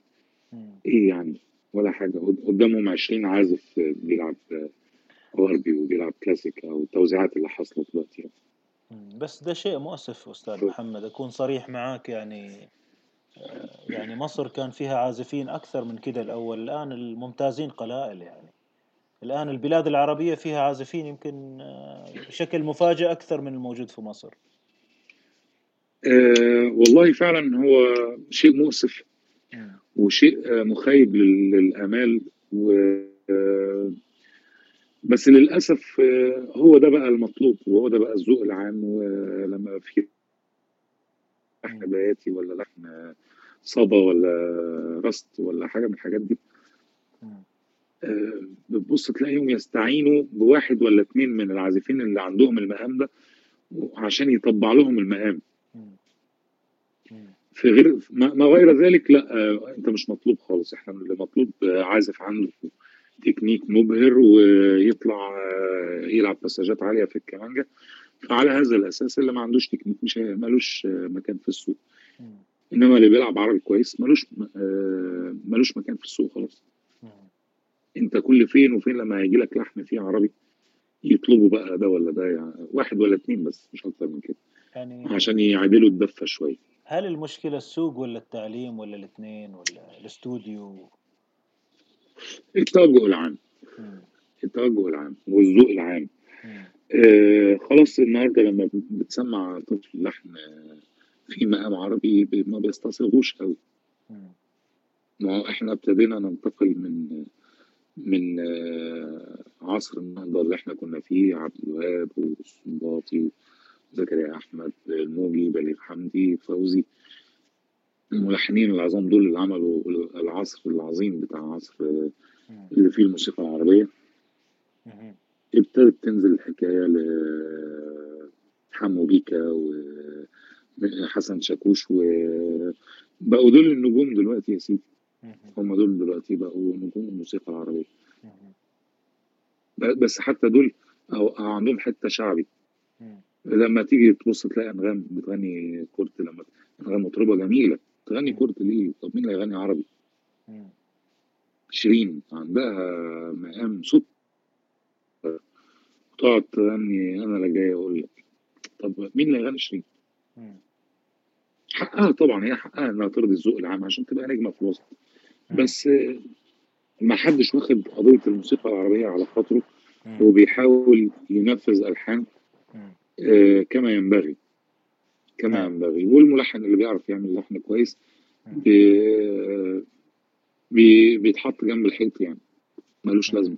إنما اللي نعم. بيمسك جيتار دلوقتي الملحن النهارده بيلحن بجيتار أو ب keyboard. هيلحن مقام إزاي؟ ترابيزة. إذا- أو على الترابيزة. يعني ده حتى اللي على الترابيزة ده يعرف يعمل حاجة كويسة عن بتاع. الجيتار. بتاع الجيتار غصب عنه هيلحن chord وهيلحن مم. في الحتة دي في المنطقة دي. غصب عنه. طيب أستاذ يعني هذا السؤال برضو يعني هذا السؤال بيجرنا إلى موضوع الهوية وإحنا اليوم نشوف الإنترنت مر عليه عقود وبدينا نشوف الموسيقات آه التركية والهندية والأذربيجانية وهذا الشيء جالس يأثر على عازفينا كذلك يعني نتكلم عن عازف يتقن موسيقاه العربية و- واطلاعه على الموسيقات هذه مم. كل واحد بيحاول يتميز. كل اللي بيحاولوا يتميزوا بي بي آه، عندنا مثلا يقول لك الشيخ البعيد سره باتع. وزمار الحي لا يطرب. نعم. فأنا مثلا محتاج أبقى مميز قوي فأبدأ أتعلم شوية حاجات هندي حليات هندي على مقامات هندي فلما أدخلها في عزفي يبقى شكلي مميز. نعم. بس الحقيقة إن الهنود بيعزفوا قدك عشر مرات. هتروح فين أنت في الهنود؟ نعم. يروح جايب مقام تركي وطريقة آه، عزف تركي ويبدأ يقلدهم. بس الحقيقة الأتراك بيعزفوا قدك عشر مرات هتروح أنت فين في الأتراك؟ نعم. هم عندهم هويتهم ودي شخصيتهم وطباعهم. نعم. هتعزف زيهم انت نعم. ده هم متربيين على كده. نعم. طب العب أنت بقى موسيقى عربية ومين هيلعب زيك؟ صحيح. وريني بقى مين مين في الهند ولا في في إيران ولا في تركيا هيعزف زيك؟ وريني كده. نعم. هم هم أخذوا اتجاه خطأ عشان يتميزوا بيه في في بلد آه، أصبحت آه، ملهاش هوية في العزف أو في الموسيقى بوجه عام. نعم. اللي لسه محافظين على هويتهم قليلين وربنا يبارك لنا فيهم. فعلا فعلا. البركة فيهم. طيب أستاذي عودة إلى آه، عم عبده. آه، يعني حلو أسألك يعني ماذا أعطاك وأضاف لك قربك من عم عبده؟ خصوصية القرب دي. والله آه، عم عبده أضاف إلي إن أنا ما بقتش استصيغ غير المقام العربي يعني أنا لغاية النهارده لما تقول لي طب ما تلعب لنا دي كده أقول لك لا ما ارضاش. يعني ما تعرفش لا أعرف أهو أروح أروح مقلدها له. لاعب لاعب له اللي هو عايزه بس أنا مش هلعب كده. زرع فيا حب الموسيقى العربية وزرع فيا ال- العنصرية للموسيقى. العربية مم. من ضمن الناس وأنا صغير على فكرة كنت بعمل زي الناس كلها وبحاول ألعب تركي وأحاول ألعب هندي لحقني الأستاذ الكبير أستاذ يحيى الموجي. قال لي ولا أنت أنت كويس أنت بتعمل كده ليه؟ العب مصري. قال لي كده بالمصري بالنص. ما تقعدش تلعب لي تركي وتلعب لي بصباع واحد ومش عارف إيه ويعمل لي كده إيه فاهم؟ و- وتقعد آه، تسيح الكمانجة على بعضها والطريقة الطريقة الوحشة دي ما. تلعبش بيها. العب مصري العب مصري ما تلعبش غير مصري. لحقني. نعم. أنا حتى كنت صغير ما أعرفش يعني إيه. وكنت في تسجيل لحسن حظي يعني أنا وهو ومصطفى حلمي ثلاثة كمانجات بس. فقال لي إلعب مصري إلعب عادل. وقعد يوريني ألعب إزاي. نعم. بقيت ألعب زيه. ساعتها بس عرفت يعني إيه إلعب مصري إلعب بهويتك. هو نعم يقصد إن ألعب بهويتي مش بهوية حد تاني. نعم نعم. هتروح فين؟ فعلا هتروح فين؟ هلعب تركيا هبقى أحسن من مين في تركيا يعني؟ نعم أي حد في تركيا دي نشأته ودي طبيعته أكيد هيلعب التركي أحسن مني فعلا مهما فعلا اتشطرت يعني مم. إنما لما هلعب مصري بهويتي ما حدش هيبقى أحسن مني مم. فأنا لو حبيت أنفرد في العالم عالميا أدور على هويتي مم. الهوية وبعد كده أي حاجة. إنما ما أعرف أقلدهم آه اعرف أقلدهم بس إيه الفايدة هم أكيد أحسن مني في حاجتهم. صحيح فدي من الأشياء آه آه. أعرف أعمل بقلاوه بس زي التراكوة زي الشوام أكيد لا. فدي من الأشياء اللي تعلمتها من قربك من عم عبده من عم عبده تحديدا هو أكتر واحد. آه علمني يعني إيه مصري اللي وجهني الحقيقة الأول يحيى الموجي. واللي علمني فعلا عبده ده. جميل جدا طيب أنت يا أستاذ يعني كلمنا عن آه، أشغالك مشاركاتك إنتاجك التعليم المجتمع الموسيقي والله أنا عازف كمان في الأوبرا عازف كمان بيانو في الأوبرا آم، المفروض إن أنا بتميز كسوليست آم، الحمد لله شاركت في مهرجانات الموسيقى العربية وشاركت في حفلات كتير. بأداء سولوهات والعزف المنفرد أو أو أداء الأغنية الكاملة. على آلة الكمان إن أنا أعزف أغنية كاملة أو مزيكا كاملة أو السولوهات اللي في الأغاني. نعم. آه، وهكذا في التسجيلات. آه، عندي سولوهات ليا في ال- في التسجيلات ال- ال- بتاعت السوق يعني العام أو. الأغاني الخاصة. نعم. وبحاول أتقلد فيها بنفس التفكير اللي هو الموسيقى العربية.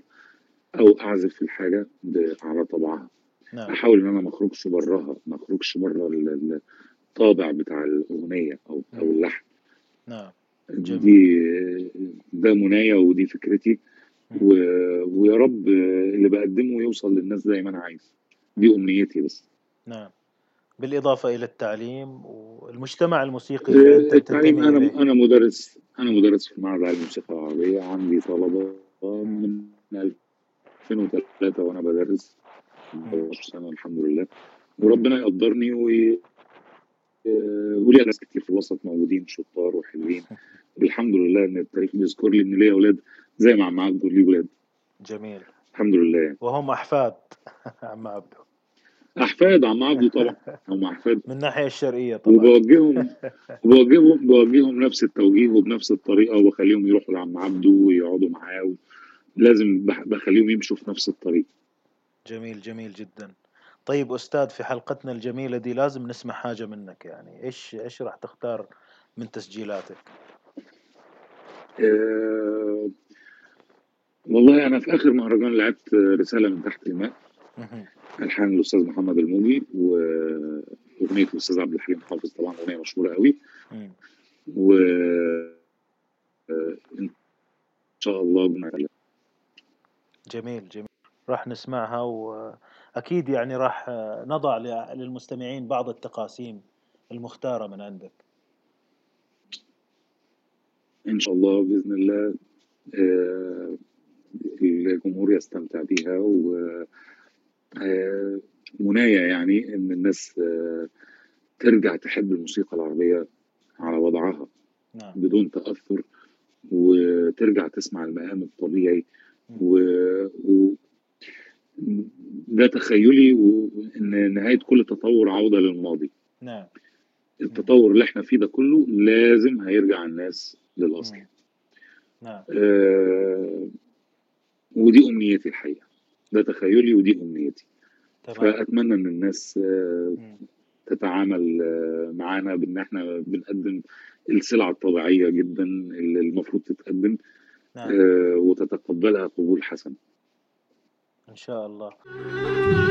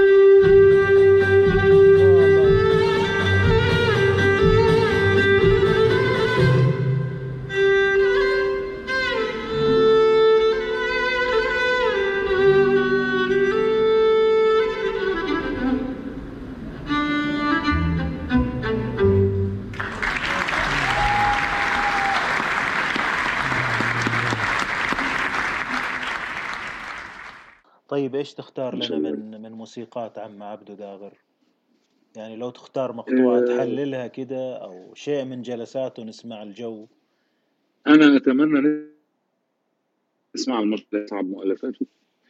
آه، بالذات إن عبده داغر شخصيا يقول- بيقول إن اللي يلعب المشربية خلاص ده كده يلعب أي مزيكا لعبده داغر. نعم. هي هو عارف إنها أصعب مؤلفاته وآخر حاجة بيحفظها للطلبة بتوعه. ممتاز حنسمع هو المشهد ليه ليه ترتيب كده. بيبدأ فيه ب- بلونجا ناوان مم. و- وبينتهي بالمشربيه. هذه القمة نعم جميل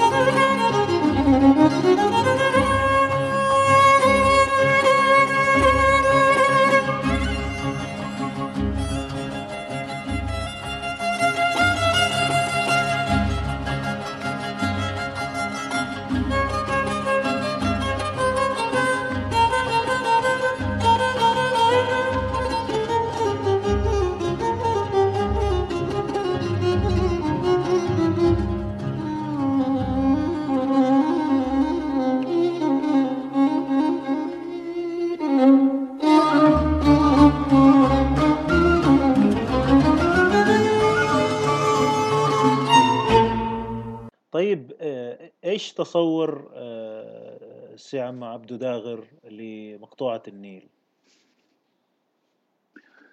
عم عبدو آه، ليه وجهة نظر في مقطوعة النيل دي؟ وجهة نظر مهمة جدا. وانت بتسمع المقطوعة هتاخد بالك من اللي أنا بقوله. بيعرض مجرى النيل من الحبل من المص... من من المنبع للمصب. مرورا بإيه بقى؟ الحبشة تحت بطريقتهم الفطرية والبدائية مرورا بالسودان وابعادهم الخماسية المعروفة بالنوبة وطريقتهم الجميلة نعم. وصعيد مصر بأبعاده مجرى النيل بقى وانت طالع لوجه بحري للقاهرة القاهره الأول المدينة والحضر والكلام ده وبعدين وجه بحري اللي هو طنطا والمنصورة والكلام ده كله وصولا للمصب اللي هو دمياط ورشيد. وأنت بتسمع التقسيم تحول في المكان والزمان. بالترتيب من من المنبع للمصب. وهتسمع ده تحديدا في التقاسيم اللي في آخر المقطوعة. وأتمنى إنكم تسمعوها وتعجبكم و... وتنال رضاكم و... وتوصل لكم الفكرة. هي واضحة جدا لو ركزتوا فيها وان شاء الله يا رب تستمتعوا بيها. إن شاء الله.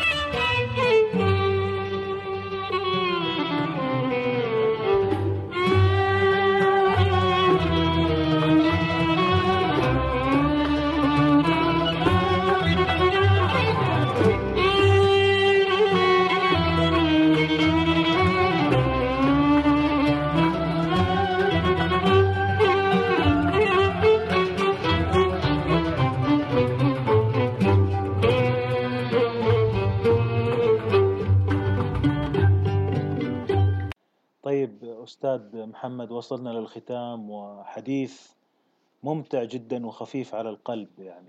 في النهاية أشكرك أنا اللي جدا استمتعت جدا. جدا والله و... مم.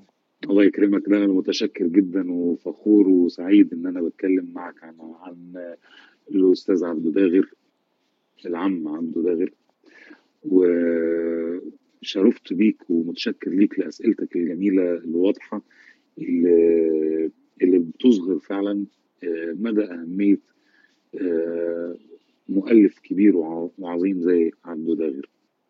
الله يخليك. ليك أنت الأول. شكرا لك يكرمك المستمعين سنعود مجددا مع الأستاذ محمد ظهير الدين في حلقة أخرى. معه هو في تفاصيل أخرى لم تسمعوها. شكرا لك يا الله أستاذ وإلى لقاء قريب. شكرا لكم جميعا.